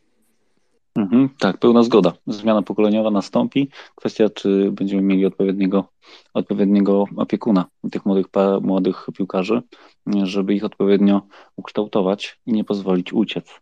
E, Jakub, zapraszam Cię. Dzięki. Ja też e, jeszcze, jeszcze raz krótko o tym Grosickim. E, ja wiem, gdzie grał Grosicki. Ja wiem, jakie ma zasługi, ja to powiedziałem.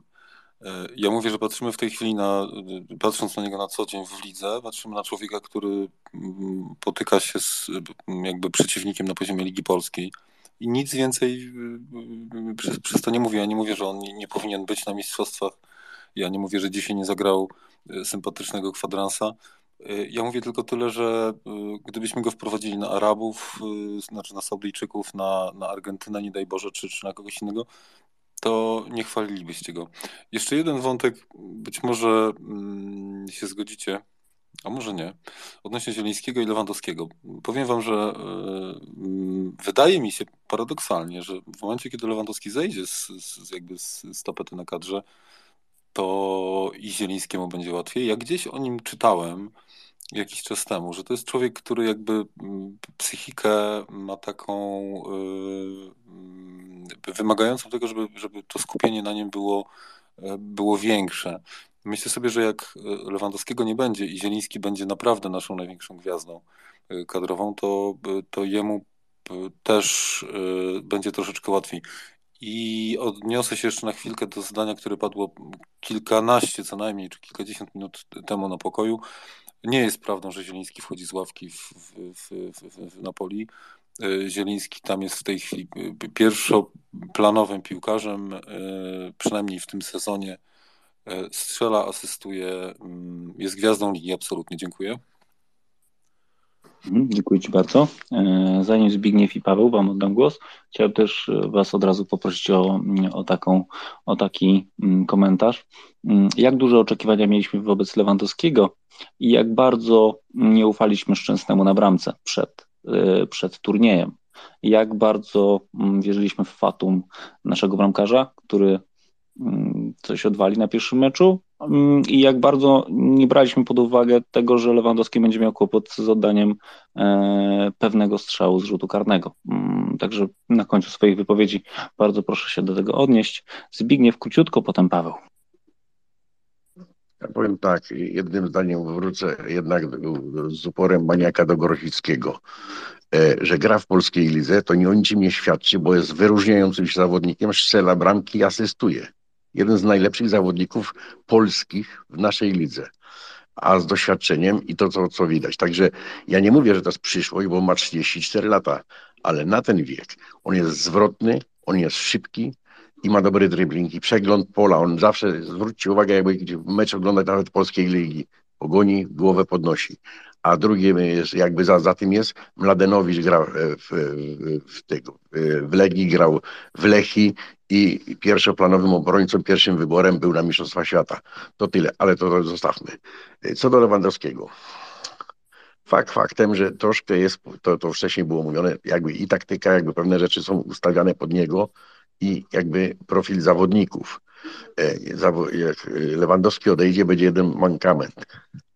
Skuteczność. Ja nie mówię, że nie, nie będzie miał kto strzelić, tylko że generalnie, ja nie mówię o jakichś słabszych meczach, bo takie ma choćby dzisiaj, ale e, chodzi o to, że nieraz jest jedna sytuacja i zamienia to na bramkę.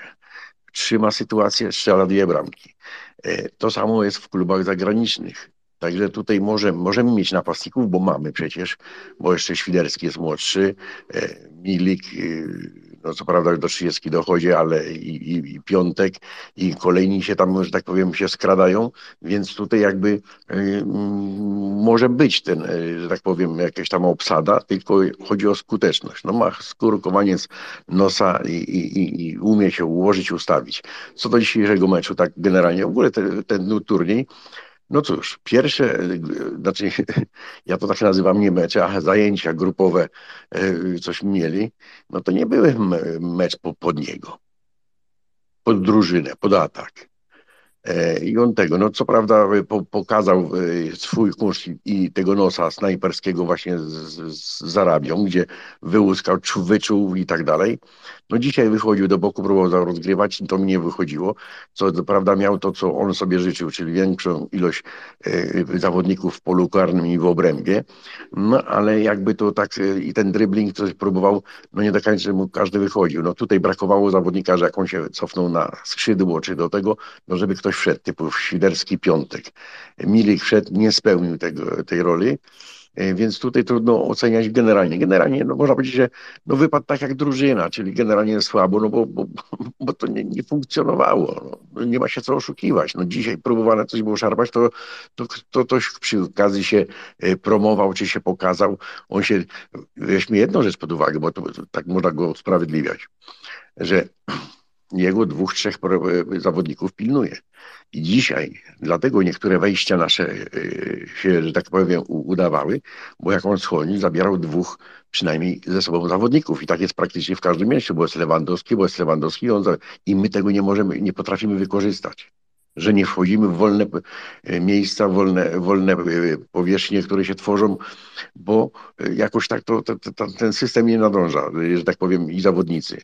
Także to odnośnie Lewandowskiego, tak bym w tę w te stronę powiedział. Co do perspektyw, to powiedziałem. Odejdzie Lewandowski, to przecież próżni nigdy nie będzie, będzie gorzej, lepiej. Tylko jeden mankament może być, że jak się kolejny jakiś nie urodzi w miarę z dobrą nogą, no to, to, to, to będzie ze skutecznością. No piątek jeszcze jest skuteczny, tylko on już też jest taki dość specyficznym zawodnikiem, to jest król pola karnego i, i, i to wszystko, no i, i to wszystko. Tak, tyle można na ten temat tak na szybko powiedzieć, jeśli chodzi o, o te tematy. Mhm, dzięki Zbigniew. Paweł, zapraszam.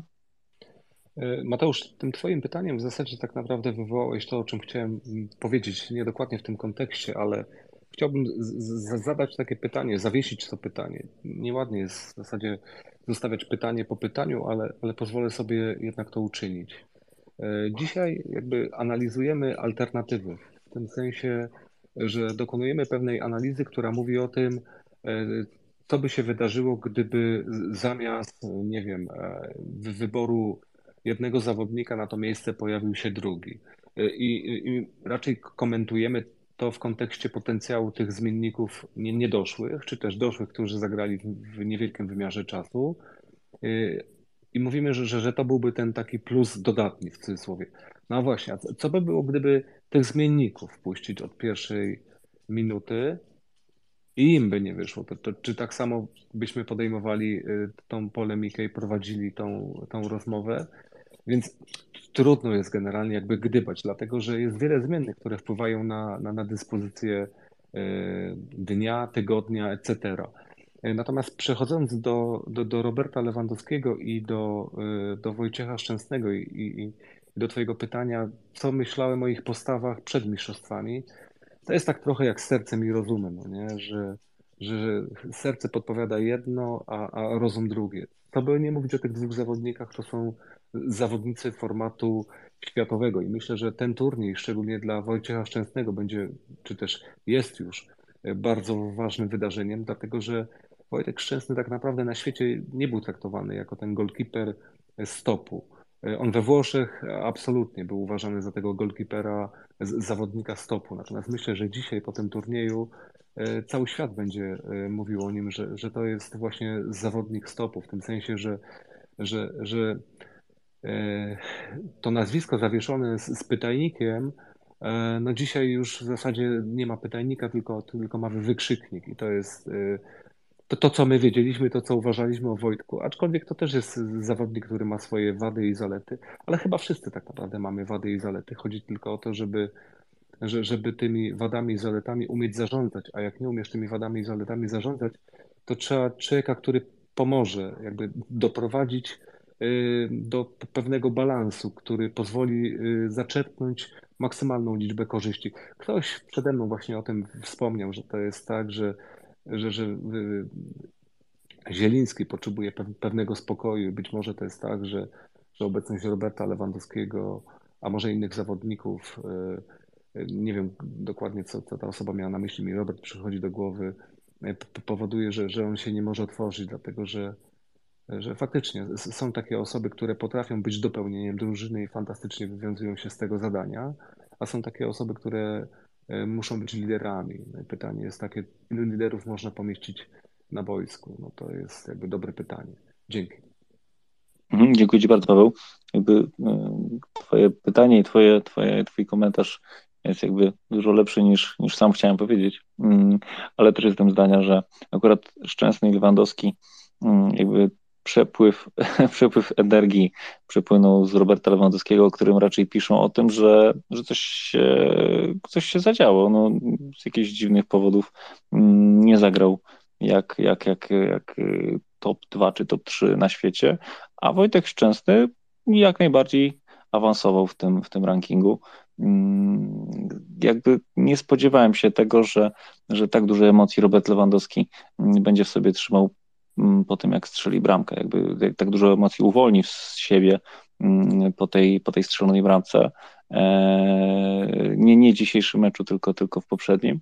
Także jakby z jakiegoś powodu nasze oczekiwania mijają się z tym, co faktycznie Mm, potem dzieje się w głowach zawodników i, i, i na boisku. Mm, I jeszcze super uzupełnieniem jest to, że jak ocenilibyśmy Czesława Michniewicza, gdyby właśnie tego Roberta Lewandowskiego zdjął na ostatni mecz na przykład mm, i zdecydował się na choćby na piątka. E, albo też jak go ocenimy w przyszłości, kiedy on tego Roberta Lewandowskiego zacznie stać na ławce i dawać pole właśnie młodym zawodnikom. E, przemyślmy to, bo bardzo szybko wydajemy wyroki i, i skreślamy mm, choćby naszego Michniewicza już praktycznie po pierwszym meczu już był zwolniony, potem po drugim, po, po Argentynie to już w ogóle, w ogóle już powinien się pakować. Mm, ja do Michniewicza dojdę na chłodno, mm, za jakiś czas sobie to ocenimy na spokojnie, ale przemyślmy, jak bardzo jesteśmy podatni na to właśnie, jak zagrał ostatnie 90 minut, a jak gra od 20 meczy, czy tam od 10 meczy powiedzmy, tak? I co się na to składa. E, Adrian, zapraszam. Tak rozmawiamy o Wojtku Szczęsnym sobie myślę, co było przyczyną jego sukcesu, że nagle taka super forma i jedynie co przychodzi do głowy, to to, że na początku sezonu był kontuzjowany, więc może tak z boku na wszystko popatrzył, odetchnął. No i trochę w Juventusie katarzis, tak? Bo Juventus początek sezonu miał fatalny i Ligę Mistrzów i punkty podobili, a z biegiem meczów jakoś wracali do formy i szli w górę tabeli, chyba nawet trzecie miejsce teraz mają. Więc mi się wydaje, że to mogło Szczęsnego. Na początku odpoczynek, a później pokonanie samych, samych siebie i takie nakręcenie drużyny.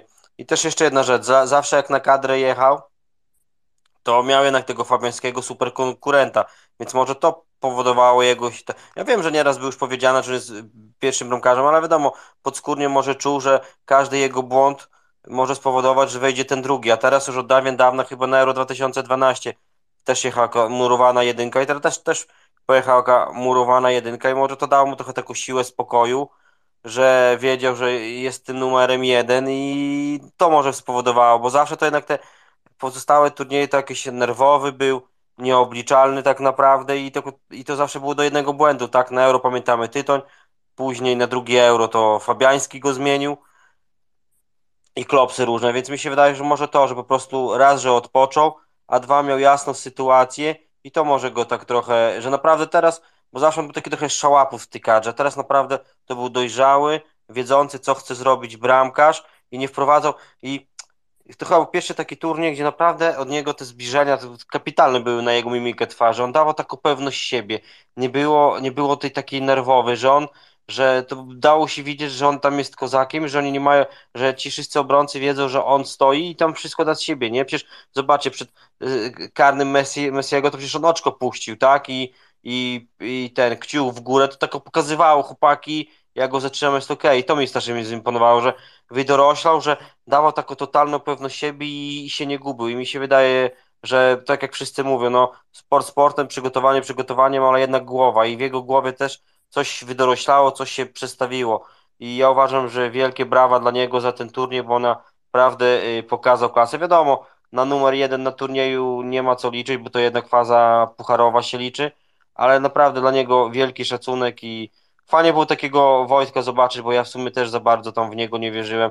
Też twierdziłem, że prędzej by było, ja bym już Grabary też takiego niepokornego, młodego wpuścił, ale jednak Wojtek wszystkim no chyba mordy trochę pozamykał, bo jednak miał te pierwsze miejsca, ale to każdy z nas się obawiał, tak? Szczęsnego, jak to mówię, Szczęsnego, Krychowiaka, a tu jednak Szczęsny pokazał klasę i mi się wydaje, że ta jego spokój, ta jego psychika, przygotowanie mentalne pokazała, yy, pokazało klasę w odróżnieniu od lewego, bo uważam, że lewy totalnie nie był sobą i wie, większym kapitanem i większą rolę odegrał jednak Szczęsny na tych mistrzostwach niż, niż lewy, który jednak powinien być ponad wszystkim, ponad tego on trochę taki jakiś taki zagubiony i tak dalej, rozdarty, a jednak Szczęsny naprawdę super się zachował i naprawdę powinniśmy tutaj mu ukłony bić, bo naprawdę wyciągnął nas z tej grupy, pokazał klasę i miejmy nadzieję, że jeszcze na, na jedno euro pojedzie, choć są plotki, że dość szybko chce karierę zakończyć, tam w wieku 36 lat, nie chce do 40 grać, a uważam, że nie gra jak najdłużej, jak mam być taki szczęsny, pewny siebie, taki kozak w zachowaniach, w wywiadach i tak dalej, a nie jakiś tam nieopierzony młokos, to tylko bić brawo i miejmy nadzieję, że jeszcze teoretycznie z 10 lat może pograć. No, już na jego miejsce gra Bara się szykuje, także chyba największym motywatorem e, jednak jest konkurencja. E, więc ja cieszę się, że gra jeszcze bardziej się cieszę, że jest ktoś, kto go ewentualnie e, goni. Zbigniew, bardzo proszę. Co do Szczęsnego powiem tak. My to, bramkarz ma tak przerąbane, że tak, zrobi jednego babola, no i ma przerąbane przez hu, hu, hu jeszcze dłużej. Napastnik będzie miał cztery setki, nie strzeli, stów się powiesza przez mecz, dzień, tydzień do następnego meczu, strzeli jedną, dwie bramki i jest stacy. To jest taka właśnie, i tu właśnie odgrywa psychika, że bramkarz, dobry bramkarz to jednak musi być wariat, jak to się mówi w cudzysłowie, szaleniec i przy tym dobry psychicznie. I taki między Wojtek jest. E, on ma uznanie w świecie, mimo wszystko jest w jakimś tam dość ścisłym rankingu. E, z Anglii wyprowadził się, no bo troszkę miał taki okres życiowy, powiedzmy, no na to mało higieniczny, mało zdyscyplinowany, bo już skakiwał przecież do, do bramki tego i później nagle e, zaczęło się tam pewne rzeczy dziać, bo jakiegoś tam szmatę puścił albo się zachował i tak dalej. I to samo miał w Juventusie, był takim meczerze tego, ale generalnie dość stabilny jest zawodnik i przede wszystkim jest to, że jak jest skoncentrowany i jak tego to jest po prostu nieobliczalny, czyli broni coś, co jest nie do obrony. Wyjmuje piłki. Ja tam w lidze włoskiej nie patrzę, czy oglądam, no to właściwie Juventus ciała dawał na początku ligi, a były mecze, gdzie ratował skórę y, przed gorszą porażką i był no, mocno chwalony. Y, co tylko tak powiem, no ma geny po ojcu i, i tu tak, tak, tak, kiedyś taką rozprawęśmy tam słuchali i, i czytałem, jednak no, że ojcu nie dorównuje. Ojciec kariery reprezentacyjnej nie zrobił, ale to ze względu na charakter. No i to do dzisiaj zostało. E, staremu Szczęsnemu, no, trudny charakter, z kolegami, z drużyną i tak dalej, nie będę tu się rozwodził. Ale ma, jak to się mówi, trochę po ojcu, więc tutaj łatwiej miał. No plus jest taki jego, że od dziecka był jednak pod opieką poważnych instytucji, tak to nazwijmy. Klub, szkółka i to taka ta hierarchia szła, a że się wyróżniał, bo i, i wzrost, i, i spryt, i to, co on jest właśnie na linii taki nieobliczalny, no to szybciej awansował od innych rówieśników z tych szkółki i tak dalej. Także tutaj Szczęsny, tu jest jego mecz, y, turniej życia. No, słuchajcie, no zagrał tylko cztery mecze więc y, oceniamy go ostatnie y, ten, ale y, właśnie to, co, że, że kończy karierę, to jest raz i to chyba go jakby zmobilizowało, że no, wie, czymś się musi zapisać. Także tutaj tego, co do Lewandowskiego z nim i tak dalej, no to mówię, taktyka, którą się wygrali, że cztery mecze, bo dzisiaj właśnie ta taktyka to była raczej pod Lewandowskiego, no może nie było tych, tych, tych bezpośrednio piłek, bo, bo Francuzi go pilnowali wyjątkowo, ale generalnie no nie było meczu dla, dla, dla, dla Lewandowskiego i taktyki. Także tutaj ja bym też psów nie wieszał. No nie było to, to, to jakieś e, fascynujące wyjście. No, był ten przebłysk z, z, z Arabią, gdzie no, wyczuł tym, tym, tym, jak to się mówi, tym nos tego, tego wilka i, i wyłuskał tę piłkę i wiedział, co z nią zrobi przede wszystkim. Bo teraz trzeba się zastanowić jedną rzecz, wracając do meczu z, z Arabią. Mieć tą piłkę, wyłuskać, ilu zawodników w takiej sytuacji by strzelił. On z zimną krwią to wszystko wpasował. Dzisiaj widzieliśmy w meczach e, e, nawet z, z tym e, Anglików, e, gdzie, te, te bram, e, gdzie sytuacje były jeszcze czytelniejsze i, i, potrafili bramki strzelić. Także no, tu mówię, te dwa nazwiska pomału schodzą ze sceny. Lewandowski mi się wydaje, że troszkę za bardzo spięty. Chciał tą bramkę kon konkretnie strzelić. Myślałem, że będzie po bramce z Arabią, będzie jakby już zejdzie z niego to powietrze. I podejrzewam, nie on tego głośno nie chce powiedzieć, ale to są jego ostatnie mistrzostwa. Nawet jak w zdrowiu do, dociągnie e, do następnych, to jeśli wejdzie, to coś w roli e, e, Grosickiego, czyli nadmiennika, jakiegoś tam egzekutora i tak dalej, i tak dalej. No bo niestety, no, Nie wiem, będzie nabierać. To tyle. Dziękuję bardzo. Pawle, proszę. W zasadzie dwie rzeczy chciałem jeszcze poruszyć, może trzy. Pierwsza to jest taka, że w sumie to nie odpowiedziałem na Twoje pytanie, czy przed mistrzostwami miałem obawy co do ewentualnych karnych wykonywanych przez Lewandowskiego. E, tak, miałem, dlatego że przypomina mi się ten karny w, niestrzelony w Barcelonie i przypomina mi się e, już pojawiająca się słaba e, gra Lewandowskiego. Ale tak jest generalnie. To jest tak jak w życiu. Nie, nie zawsze się jest na, szczycie. To, to też jest tak, że, że nasz organizm pracuje w pewnych rytmach, natomiast im jesteśmy starsi, e, te, te rytmy e, jakby się wypłaszczają i Boże, one przybierają wyższe pi- piki i to jest tak, że jakby nasza, mm, nasza odporność na, na te piki jest, jest, jest coraz mniejsza, więc oczywiście przy tym karnym drżałem, powiem szczerze, że nawet bardzo. To tak tytułem do, do powiedzenia tematu związanego, czy, czy miałem obawy. Zadałeś też drugie pytanie, czy może Michniewicz powinien zmienić Lewandowskiego? I w kontekście tego, co teraz pojawia się w mediach e, społecznościowych, Meczyki niedawno podały taką informację, że, Lewandowski atakuje, Zieli- Zieliński dorzuca do, do pieca, no i tworzy się generalnie gdzieś tam konflikt.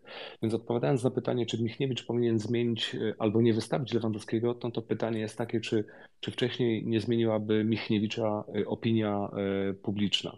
To jest tak jak, e, znaczy to ta, ta sytuacja, która dzisiaj się dzieje z tym konfliktem, który gdzieś tam e, powstaje, no to zadziałał Michniewicza taki instynkt samozachowawczy. Nawet gdyby logika mu podpowiadała, że można byłoby go nie wystawić i zaryzykować e, skład bez Lewandowskiego, no to ten instynkt nie pozwolił mu prawdopodobnie tego zrobić. Dzięki. Mhm, dziękuję bardzo. Ja no, myślę, że byśmy stratowali Michniewicza dwa razy, jakby to, jakby to zrobił, Mm, ale jakby myślę też y, pod kątem przyszłych, przyszłych spotkań. Mm, Jeżeli Lewandowski będzie miał spadek formy, y, to czy odważy się go, y, go posadzić? No ale to, to pieśń przyszłości. O Michniewiczu zrobimy oddzielny program taki na 711 sposobów e, go będziemy e, tutaj rozczytywać, więc mm, już Cię, Paweł, serdecznie zapraszam na niego. A tymczasem Tomasz, witamy Cię serdecznie. Dobry wieczór. Tak naprawdę to chciałem powiedzieć to, co Paweł powiedział mniej więcej, więc e, tylko tam powtórzę delikatnie, e, że bo zapytałeś się, no właśnie, znaczy zapytałeś, no mówię, że wszyscy by zwalniali Michniewicza po każdym meczu. Teraz e, można wysłuchać, e, nie wiem, czy oglądaliście te wywiady z Lewandowskim i Zielińskim, którzy dowalili do pieca konkretnie, no bo powiedzieli wprost, że taka gra defensywna nikomu nie sprzyja, nie, nie sprawia radości, a mamy dobrych zawodników, e, których trzeba wykorzystywać, więc prawdopodobnie mówili o sobie, bo jeżeli e, wiecie, no, gramy na dwóch napastników, nie wiem, w jakimś meczu, a ten napastnik tak naprawdę ma asekurować tylko e, kasza na prawej stronie, e, to trochę jest pewnie dla nich nie tak, no bo jednak to są piłkarze, którzy chcą grać no, dobry futbol zapewne. Dlatego my jako kibice mamy też prawo, żeby takie rzeczy negować. Dzisiaj słuchałem bardzo ciekawego wystąpienia dziennikarzy weszło młodych chłopaków, e, tam koło, no przeszło dwudziestolatkowie. Jeden z nich powiedział bardzo ciekawą rzecz, bo to jest dość cieka- e, fajnie ujęte, że 24 lata czekał na takie wyjście z grupy Polaków, no bo jednak jest młody, chociaż ja mam 33 i też nigdy nie, e, wcześniej tego nie spotkałem, na światach świata oczywiście, i że jest z tego bardzo szczęśliwy z tego powodu, ale summa summarum y, kiedyś sobie, jak tu siedział za dzieciaka, to wyobrażał sobie to trochę inaczej, więc e, tu jest też taki balast tego, że tym meczem dzisiaj udowodniliśmy, chociaż przegraliśmy go, ale chyba większą radość nawet piłkarzom e, sprawił ten mecz niż y, trzy poprzednie. E, że my potrafimy grać w piłkę, potrafimy stwarzać sytuacje, no i mieć radość z tej i oglądania, tak jak my, i chłopaki na boisku. I ja bym tylko tutaj bo dzisiaj takie pytanie słyszałem, czy e, po takich wypowiedziach, czy Michniewicz powinien dalej być selekcjonerem. No powinien być niestety, bo nie ma nikogo za niego realnie, żeby mógł tu i teraz e, brać reprezentację, więc będziemy musieli się i my, i piłkarze zapewne z Michniewiczem męczyć. Dzięki. Mm, Dziękuję bardzo. Ja zaraz może uzupełnię, a tymczasem Jakub, proszę bardzo. E, Dzięki. Mam nadzieję, że ta, e, ten wątek o tym, że Michniej, Michniewicz mógł wyjść gdzieś dzisiaj w poprzednim meczu, czy w następnym meczu bez Lewandowskiego, to tylko taka, wiecie, teoretyczna figura e, merytoryczna i wy tego na poważnie nie mówicie, bo mm, Lewandowski jest nietykalny. Nietykalny w takim dosłownym znaczeniu. On e, będzie grał do czasu, kiedy sam uzna, że grać nie powinien. I wiecie co? I to jest zupełnie normalne i to nie jest żadna patologia. Tak się dzieje w każdym zespole, w którym masz kogoś takiego. Tak samo się dzieje w Manchesterze United, działo w Manchesterze United za czasów e, dobrych Ronaldo, tak się dzieje w, e, działo w Barcelonie z Messim i tak dalej, i tak dalej. To jest poza jakimkolwiek sensowną rozmową. Drużyna piłkarska nie polega na tym, że trener wychodzi i mówi, ty grasz, ty nie grasz, e, a, a chłopcy siedzą i kiwają głową. Nie, nie, to jest zespół ludzi, którzy mają przed sobą wspólny cel. E, Trener nie jest, e, jejku, nie wiem, e, wyższym stopniem oficerem w wojsku, sierżantem, który wrzeszczy na rekrutów. To tak, to tak się nie odbywa, słuchajcie. To, to, to, to jest, jest zupełnie inaczej. Lewandowski i Szczęsny to tam tylko po, po jednym zdaniu. Od- Odnośnie Lewandowskiego zostało to powiedziane. e, Brak serwisu i jakby dobrana pod wynik taktyka powoduje, że e, dostali chłopcy to, to, co mogli zrobić. Lewandowski nie miał nawet jednej sytuacji przez wszystkie cztery mecze, moim zdaniem. Może jedną, nie wiem, nie pamiętam jej. E, Odnośnie Szczęsnego, e, wszyscy znamy historię. Ja miałem wielkie wątpliwości, czy nie wydarzy się znowu coś złego. Zresztą wydaje mi się, że mecz z Meksykiem, ten pierwszy, właśnie tak został również skonstruowany przez Mikniewicza. Bezpiecznie z tyłu. Na zero z tyłu. To, było, to był podstawowy warunek. Właśnie po to, żeby Szczęsny go przeżył bez kartki kontuzji karnego, jakiegoś odpału. I tyle. Dzięki. Mhm, Dziękuję Ci bardzo za zdrowy rozsądek, zawsze w cenie. E, tak, o Lewandowskim tak sobie rozmawiamy tylko ogólnie. Absolutnie się pełni z Tobą zgodzę, że, że raczej nie miał za dużo okazji w całym turnieju, aczkolwiek wywalczony przez niego e, rzut karny, no spodziewałbym się, że jednak, że jednak e, go trafi, tak? No zdarzył się wypadek przy pracy i, i z Meksykiem niestety nie, nie, nie, nie wyszło, no ale mamy dzisiaj drugi karny, no i mamy bardzo, bardzo zbliżony problem. Przy trzecim to ja już w ogóle stałem na, na, na uszach, bo... Mhm. Mm, O, mo- mogę? Super, dzięki. bo Zapomniałem, chciałem, a, a zapomniałem. Wiecie co, ale, ale no jeśli ktoś grał w piłkę, to, to, to może poczuje. E, Jest na świecie, znaczy najpierw słowem wstępu, jest paru na świecie spe- specjalistów od karnych, którzy generalnie się nie mylą. Jednym z nich jeszcze niedawno był Lewandowski, który nie pomylił się, nie pamiętam ile, ale to był jakieś tam, nie wiem, 30 z rzędu, czy, czy, czy coś takiego. Jakby pewność siebie, te, technika oraz y, sposób strzelania, który on ma, jest taki, że on generalnie, generalnie się nie myli, po prostu się nie myli. Tak? Podobnie strzela Juninho, y, podobnie strzela jeszcze paru fachowców. Ale przypomnijcie sobie, co dzieje się z człowiekiem, kiedy wychodzi nie w klubie, tylko na kadrze, kiedy patrzy na niego, nie jego, wiecie, yy, podwórko, które zna doskonale i, i, i jest luźny i spokojny, bo robi to na co drugim treningu po 10 razy z rzędu, tylko nagle patrzy na niego, wiecie, ćwiartka świata.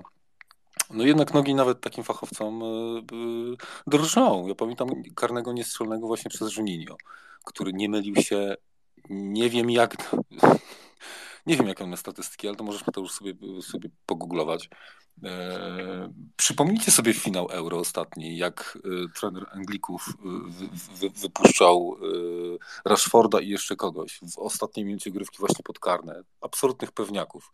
Rashford co prawda młody, ale też e, no, nie został wypuszczony po to, żeby pr- przebiegać sprintem minutę, tylko po to, żeby na pewniaka strzelić karnego. I co robi chłopak? No oczywiście nie strzela. Nie? Odnośnie Lewandowskiego zdarzyło mu się. Ja miałem wrażenie, że strasznie mu puściło po tym drugim karnym, tak, że, że ulgę również on poczuł. bo to jednak nie jesteś maszyną, no jesteś po prostu człowiekiem, tak? Zrobiłeś to już 500 razy, owszem, zrobiłeś. No to tak samo jak z jego bramką, wiecie, strzeloną i, i jego łzami, no. Zrobił to setki razy, a po tej bramce po prostu się rozryczał, po prostu się rozpłakał. To jest trochę inaczej, nie? To ma inny ciężar, to ma inne znaczenie też, nie? Dzięki. Mm, dokładnie tak, dlatego nawiązałem o tych emocjach, które Lewandowski trzymał w sobie, a, a nie spodziewalibyśmy się mm, jednak po takim profesjonaliście, prawda? Także dobrze uzupełniłeś Kuba, dziękuję Ci bardzo.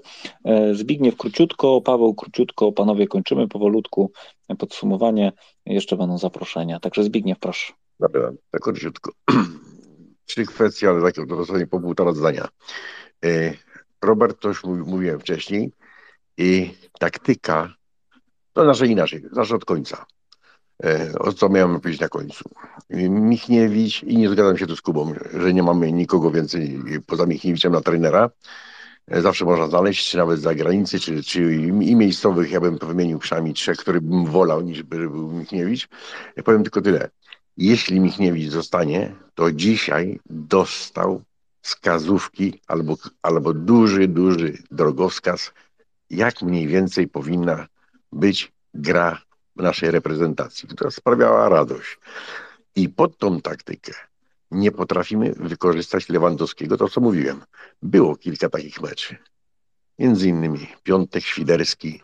Właśnie Lewandowski schodził, zabierał dwóch, rozegrał, pyknął, czasami dograł sklepy. W tym czasie ktoś wchodził w pole karne, bo była luka i była bramka. I co tu dużo kombinować, filozofować? To, to jest jedna sprawa. Druga rzecz, co do y, tych karnych, tak jedno zdanie, y, no nie do końca się zgodzę, bo w Barcelonie y, w słupek to było, ale wszystko prawidłowo, bardzo prawidłowo strzelił, bardzo tego. Zdarzyć się może, no jak to się mówi, wyliczył na centymetry. Natomiast tutaj zauważyłem jedną rzecz. Przy dzisiejszym karnym, tamten to swoją drogą, to, to coś mu nie tak wyszło, no, że inaczej, inaczej innym stylem strzelał, ale nawet dzisiaj to ten jego trucht i to zatrzymanie to było przed piłką, a tu się zaczął najpierw, bo zatrzymał się, później doszedł jeszcze jakieś zatrzymanie, coś zmienił. No ale ponad rok czasu nie strzelał karnych e, w żadnym meczu, więc być może, że może za bardzo chciał. To tyle, jeśli chodzi o, o, o te, te, te sprawy. Także Michniewicz, jeśli chodzi o Michniewicza, to, to z Michniewiczem, wierzcie mi, żebyśmy mu dali e, teraz reprezentację e, tą Francji, też by ją ustawił, daleko by nie zaszła. I ostatnie zdanie, błąd Michniewicza i błąd naszych trenerów. Zawodnikom się nie wmawia, że to są mistrzowie świata. Przegrali. Jedni Hiszpanie przegrali, praktycznie każda drużyna przegrała ze słabszą drużyną. Mówię się, rywala, rywala się omawia i taktykę na rywala, a nie, że gracie z mistrzami świata. Bo sukces to wtedy jest podwójny, jak się ograłoby mistrza świata. To tyle. Dzięki Ci Zbigniew. E, Paweł, zapraszam. E, a propos tych niestrzelonych karnych, to myślę, że to, to nie trzeba tak daleko w historii wybiegać, bo wystarczy e, przypomnieć sobie karnego, którego nie strzelił Messi i mm, zaobserwować tak naprawdę jego reakcję po tym niestrzelonym karnym. I prawdą jest to, że, że, że gwiazdom się zdarza tak naprawdę, e, zdarzają niestrzelone karne. I to jest suma wszystkiego, o czym tak naprawdę mówiliśmy. E, a to wszystko wywołuje pewien potencjał stresowy i, tyle, i tak się dzieje. Natomiast co do Michniewicza, nie wiem, czy pamiętacie Mistrzostwa e, Europy, które odbywały się we Włoszech i to, jak Michniewicz z tymi młodzikami, między innymi z Zaleskiem, wyszedł z grupy. Ja bym tego Michniewicza mimo wszystko e, nie skreślał, dlatego że, że to jest szalenie inteligentny człowiek.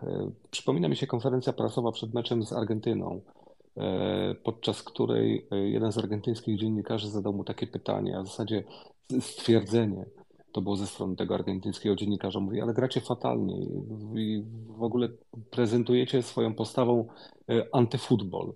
Na co Michniewicz, nie zacytuję go pewnie dokładnie, odpowiedział temu dziennikarzowi, no tak, no w zasadzie ma pan absolutną rację, no nie? natomiast liczy się konsekwencja. Wy przegraliście z Arabią 2-1, my z tą Arabią wygraliśmy. Dzięki. Mm, tak, dobre, dobre, dobre podsumowanie akurat tej wypowiedzi e, Michniewicza nie słyszałem. E, ja za to słyszałem coś takiego, że e, jakby nie patrzeć, znaleźliśmy się w 16 najlepszych drużynach świata. Nie należymy jakby jakościowo do tej szesnastki, ale jednak, a jednak wyszliśmy. Także to też coś mówi o tym, że, że chyba jednak jakiś zamysł taktyczny był. To nie był przypadek, trochę namotała Argentyna swoim, swoją przegraną e, w grupie, więc e, moim zdaniem tak czy siak, niezależnie od tego, czy, ten, czy ta gra była ładna, czy brzydka, to wynik e, minimum został osiągnięty. Tomek, zamiast zanim Ci oddam głos, chciałem od razu zaprosić na jutro, na godzinę 21, na taki program o, o tym, jakie podejście mają kibice, bo w trakcie tego turnieju, w trakcie tych naszych spotkań tutaj w sportowych gadkach, wiele razy słyszałem, że e, powinniśmy grać ładnie i odpadać. E, znaczy inaczej, e, styl gry stawialiśmy wyżej niż wynik osiągany przez drużynę. Mm, no cóż, ja mam raczej podejście takie, że jednak liczy się wynik i to, co jest, to, co jest na końcu, niż, niż, niż styl, w jakim to pokonuje, jakby do, do, w którym. A co koliduje jedno z drugim? No właśnie, ja chciałbym o tym porozmawiać jutro o 21. Pomoże mi w tym Ania K standardowo, także już Was w tym momencie zapraszam. E, Tomku, bardzo proszę, e, jeżeli mogę Cię prosić o krótką wypowiedź. Jedno, pięć słów, albo może dziesięć. Tylko chciałem powiedzieć, że Michniewicz jest bardzo inteligentny i e, prawdopodobno z tego, co słychać, Frizer zawsze powtarzał, że można z nim współpracować i rozmawiać. Bardzo fajny człowiek. No, o tym też porozmawiamy, ale to jakby w kolejnych, w kolejnych programach na spokojnie. E, tak czy siak, jakby też się nie zgodzę, że nie ma, jakby nie można powiedzieć, że nie ma go kim zastąpić. No nie, nie, no to, to jest nieprawda. No zawsze ktoś się znajdzie. Tutaj na Twitterze wybuchła wielka awantura, czy, czy powinniśmy szukać za granicą, czy, czy jednak zostawić tego Czesława, czy, tak, czy srak, to, to jakby ten temat jakby zostawmy sobie na przyszłość, na spokojnie. E, najpierw omówmy sobie kwestię tego, jakie oczekiwania mieliśmy przed mundialem, a z czym wychodzimy, e, z czym jedziemy do domu. E, panowie, panie, dziękuję Wam bardzo za dzisiejsze spotkanie. Chciałbym Was zaprosić na jutro na godzinę 21. Pawłowi bardzo dziękuję. Merytoryka top i zaproszenie na kolejne spotkania również, również do Ciebie leci. Stałej ekipie, jak zwykle. Dziękuję Bożence. Adrianowi Kubie, Tomkowi Zbigniewowi. E, autor już nam poleciał i Artur też. Tak czy siak e, nagranie idzie do internetu. E, będziecie sławni. Dzięki za kulturę, za merytorykę i do zobaczenia jutro. Cześć. Dziękuję wszystkim. Miło było.